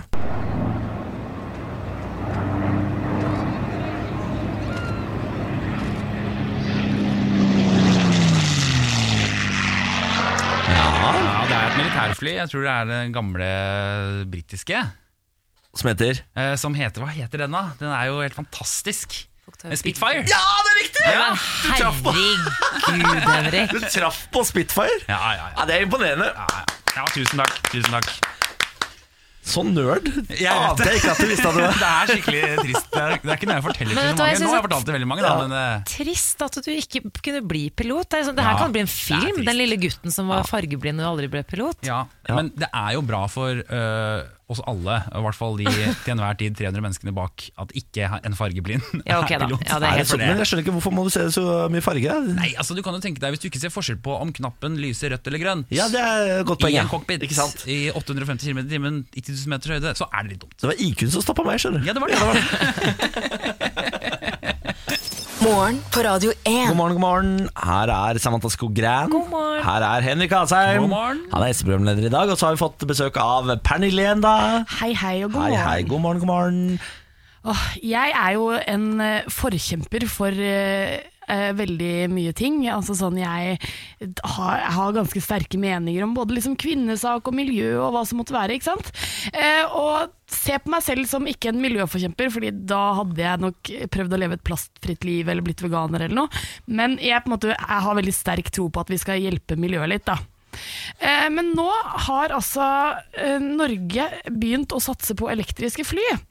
Eh, Og det er der min miljøaktivisme stopper fullstendig opp. Ja, der dør den, ja. Der dør den. Fordi du selv kan dø? jeg skal ha ganske mange fallskjermer på alle kroppsdeler før jeg setter meg inn i et elektrisk fly. Ja vel. Jeg har ingen tro. Altså Altså, jeg, De driver jo noe voldsomt og utvikler eh, elting for tiden. Eh, kan vi ikke bare chille til vi har i hvert fall fått Teslaen til å gå langt nok? Altså, Kan vi starte med bilen, liksom? Ja. og så når den er god nok, da kan vi ta og sette inn noe mer. For du ser sånne selvkjørende busser og biler, de, alle krasjer. Absolutt alle. Eh, Ja. det er Autopiloten til Tesla. kun de nettsakene man ser. Oi, krasjet inn i buss, men det var egentlig den andre bilens feil. Men det er sånn, ja. Ja, det er fordi bremsen, når du setter på sånn der eh, konstantfartsholder, så holder ikke bremsen hvis det er noen som bremser fort foran deg. ikke sant? Men mandag denne uken så gjennomførte i hvert fall samferdselsminister og Avinors konsernsjef Norges første elektriske flygning. Flygningen er et viktig milepæl i arbeidet med å elektrifisere norsk luftfart. Det var mange vanskelige ord der. Elektrifisere. Ja, den, lille, den lille skrotten av fly der. det- Ja, den er altså så dum. Eh, og de mener da at innen 2040 så skal den norske innenriksluftfarten være elektrifisert. Det. Eh, har jeg også. Da må jeg begynne med sånn hoverboard-type ting. Eller Ja. jeg må kjøre bil jeg, overalt i Norge hvis jeg skal eh, noen gang komme meg For en elbil, da. Så er det i hvert fall litt miljøvennlig der. Hvorfor er du så redd for et elektrisk fly? Eh, Fordi nummer én, det kan det går så mye galt med elektriske biler. eh, Og jeg tror på elektriske biler, for det er ikke så det er liksom ikke Den impacten er ikke Du kan overleve hvis du krasjer i 80, liksom. Men du kan ikke overleve en flystyrt. Nei, men det hjelper jo ikke å overleve en flystyrt hvis du fyller vingene med drivstoff. Så det eksploderer skikkelig. eksploderer Altså. jo skikkelig. Det brenner godt. Men jeg bare ser for meg at det kommer til å være så mye elektriske feil. Og det er det jeg syns er utrolig skremmende her. Ja, jeg har eh, igjen når, vi har, når jeg kan kjøre bil eh, på autopilot fra la oss si Moss til Milano, da kan jeg være villig til at de setter i gang prøveprosjekt på Boeing. Ja. Men før det, det er bare dritt i det. Men du er klar over at du har fløyet antagelig til USA på autopilot eh, mange ganger? På autopilot, ja. Ja. ja, ja men det er i hvert fall drivstoff der. Altså, Ja. Ja, sånn, så eh, litt sånn godt brennbart Det er, bensin? ja, men det er en flytype som har, altså det er veldig lite sannsynlig å dø i en flyulykke. Ikke sant? Ja. Men jeg føler at de bare upper den, den sjansen for å dø i en flyulykke ved å introdusere elektriske fly. Det er det elektriske jeg er redd for, ikke autopiloten. Autopiloten kan de sikkert få til. Vi skal ha en tur til Miami nå, hvor altså, en kjent og veldig kontroversiell eh, rapper i dag eh, i natt ble skutt og drept. XXX Tentacion. Ja, han døde, ja. Han døde, ja. Eh, Jeg våknet faktisk til en video på Twitter hvor den første på stedet hadde filma. Da så du eh, på den videoen at eh, denne fyren er død. Eh, Han skal da ha blitt skutt av en ukjent gjerningsmann som avfyrte flere skudd mot han fra en passerende bil. Han var jo bare 20 år gammel og har jo altså um, lagt bak seg en lang, lang, lang lang rekke med skandaler. Blant annet så har han jo eh, banka opp dama si. Tekstene hans er jo ganske crazy. Og han har altså toppet VG-lista, må ikke glemme. Ja, Eh, det, jeg jobbet i P3 når han toppa VG-lista. hvilken sang? Så vi, eh, det husker jeg ikke, men vi spilte i hvert fall den låta. Ja. Og så kom skandalen om eh, kjæresten, og da ble det såpass kontroversielt at de tok låta. Mm, låta. Såpass, ja. Og så falt han ut av VG-lista uka etter, tror jeg. Ja. Kanye West er ute og i hvert fall skriver en liten hyllest der etter han døde. Han var jo var en lokalhelt i Florida, men var jo på vei Han var jo bare 20 år. Ja, ja. Var på vei oppover. Men jeg så at det var sånn At det var armed robbery. Ja, for jeg leste i går eh, at uh, før jeg skulle legge meg at eh, det var uh, At det er bestevennen hans som satt i bilen med han, som begynte å filme på Insta-story med en gang. Med en gang det skjedde, så var han bare sånn X has been shot. Eh, I'm coming back with an update. Og så var det altså en mann Oi. som skøyt han og gikk inn i bilen og tok Louis Vuitton-veska, fordi Louis Vuitton er jo det dyreste merket som fins. Ja, er så tok Louis Vuitton-veska og stakk. Eh, Så det kan også være at han har blitt drept over en Louis Vuitton-veske til da kanskje 3000 kroner. Eller 3000 dollar. Ja, nei, det er jo eh, blir ikke stort mer tragisk enn det, da. Eh, um, ja, 20 år gammel, for tidlig selvfølgelig, og trist og leit og sånn. Jeg ser, nå, er det jo, nå driver folk og krangler om hvordan man skal eh, forholde seg til dette drapet. Fordi eh, siden han har vært så kontroversiell, så er det noen som klikker fordi man nå plutselig hyller musikken hans. Eh, og så er det andre som mener sånn Men for faen, eh, han var jo en stor artist, selv om han bare drev av menneske. Eh, personlig så jeg vet jeg ikke helt hvordan jeg skal forholde meg til det. Han var nok veldig ung. Jeg tror det er det som er, det som er det, tragedien her, er at han er 20 år gammel. Og sikkert en drittfyr veldig lenge, men tenk da hvis du er 16 eller 17 og får en sånn herre Altså som blir runka i fellesskap av 17 000 som bare har lyst til å digge deg, holdt jeg på å si. Eh, som elsker musikken din og bare 'du er det feteste mennesket', og 'fy faen, du er så gangster og Ja, fet', kan og liksom sånne ting. liksom. Så blir man jo litt sånn høy på seg sjæl. Det er det jeg tenker. tenker. fellesskap av 17 000 mennesker. Det bildet tar jeg med meg videre inn i dagen. Eh, vi skal, Morgen på Radio 1. Hverdager fra seks. Det er på tide med ukas bekymring, eh, fordi jeg er jo en bekymra sjel. Ja. Eh, som et slags eh, ja, forbilde for min generasjon. Jeg er ganske lik som resten av generasjon prestasjon, eller hva det heter. Flink pike-syndrom, alt dette her. Og jeg har en irrasjonell frykt. Jeg har ganske mange irrasjonelle frykter, det har vi vært innom før. Jeg, altså, jeg er livredd for frosker, f.eks. Men min andre irrasjonelle frykt er at jeg er livredd for politiet. Jeg, Men det er ikke irrasjonelt. jeg gjør aldri noe ulovlig. Altså, jeg tisser ute kanskje én gang hvert andre år, og det er det mest ulovlige jeg gjør. Eh, og jeg, hvis jeg ser en politi Altså Jeg har så mye respekt for dem at når jeg ser en politi, så, eh, så går jeg liksom rett i sånn frys. Eh, og, så, og så føler jeg at jeg gjør noe ulovlig. Ja, jeg skjønner det. Mm, Så jeg føler at jeg, altså jeg går rundt og ser ut som jeg har stjålet noe, fordi at jeg blir så nervøs når jeg ser politi. Jeg kan forstå det litt. Eh, Jeg hadde det egentlig litt sånn før, men da var jeg mye mer rampete, liksom. Ja, ja. ja, da hadde jeg mer grunn til det enn jeg har nå. Eh, Så nå har den frykten forsvunnet, altså, egentlig. Eh, Så hva er det du gjør som er ulovlig, som du ikke forteller ut på radio nå? Nei, Er det altså, fordi det er jo da ingenting. Jeg kan ikke engang huske å ha stjålet noe i mitt liv. Brenner du CD-er? Ja, det, ja, herregud, jeg gjør jo noe mer ulovlig da. Jeg glemte jo, jeg driver jeg er jo streamingkonge. Jeg går jo inn på alle Det sider. kan du bli og- arrestert for. Mm, Der har du det. det er det jeg gjør som er ulovlig, faktisk. Også når du ser et eh, politimenneske, så kommer den i bakhodet ditt uten at du egentlig i underbevisstheten, og så blir du livredd. Ja, ikke Ja, for jeg får sånn motsatt følelse, samme som når det er eh, kontro altså kontroll på trikken f.eks. eksempel Og jeg har billett, så jeg blir sånn eh, smøgg. Jeg. jeg blir sånn, Hvis det er politi, så bare Jeg er en god samfunnsborger, får jeg. Ja, sånn der, jeg føler meg så bra.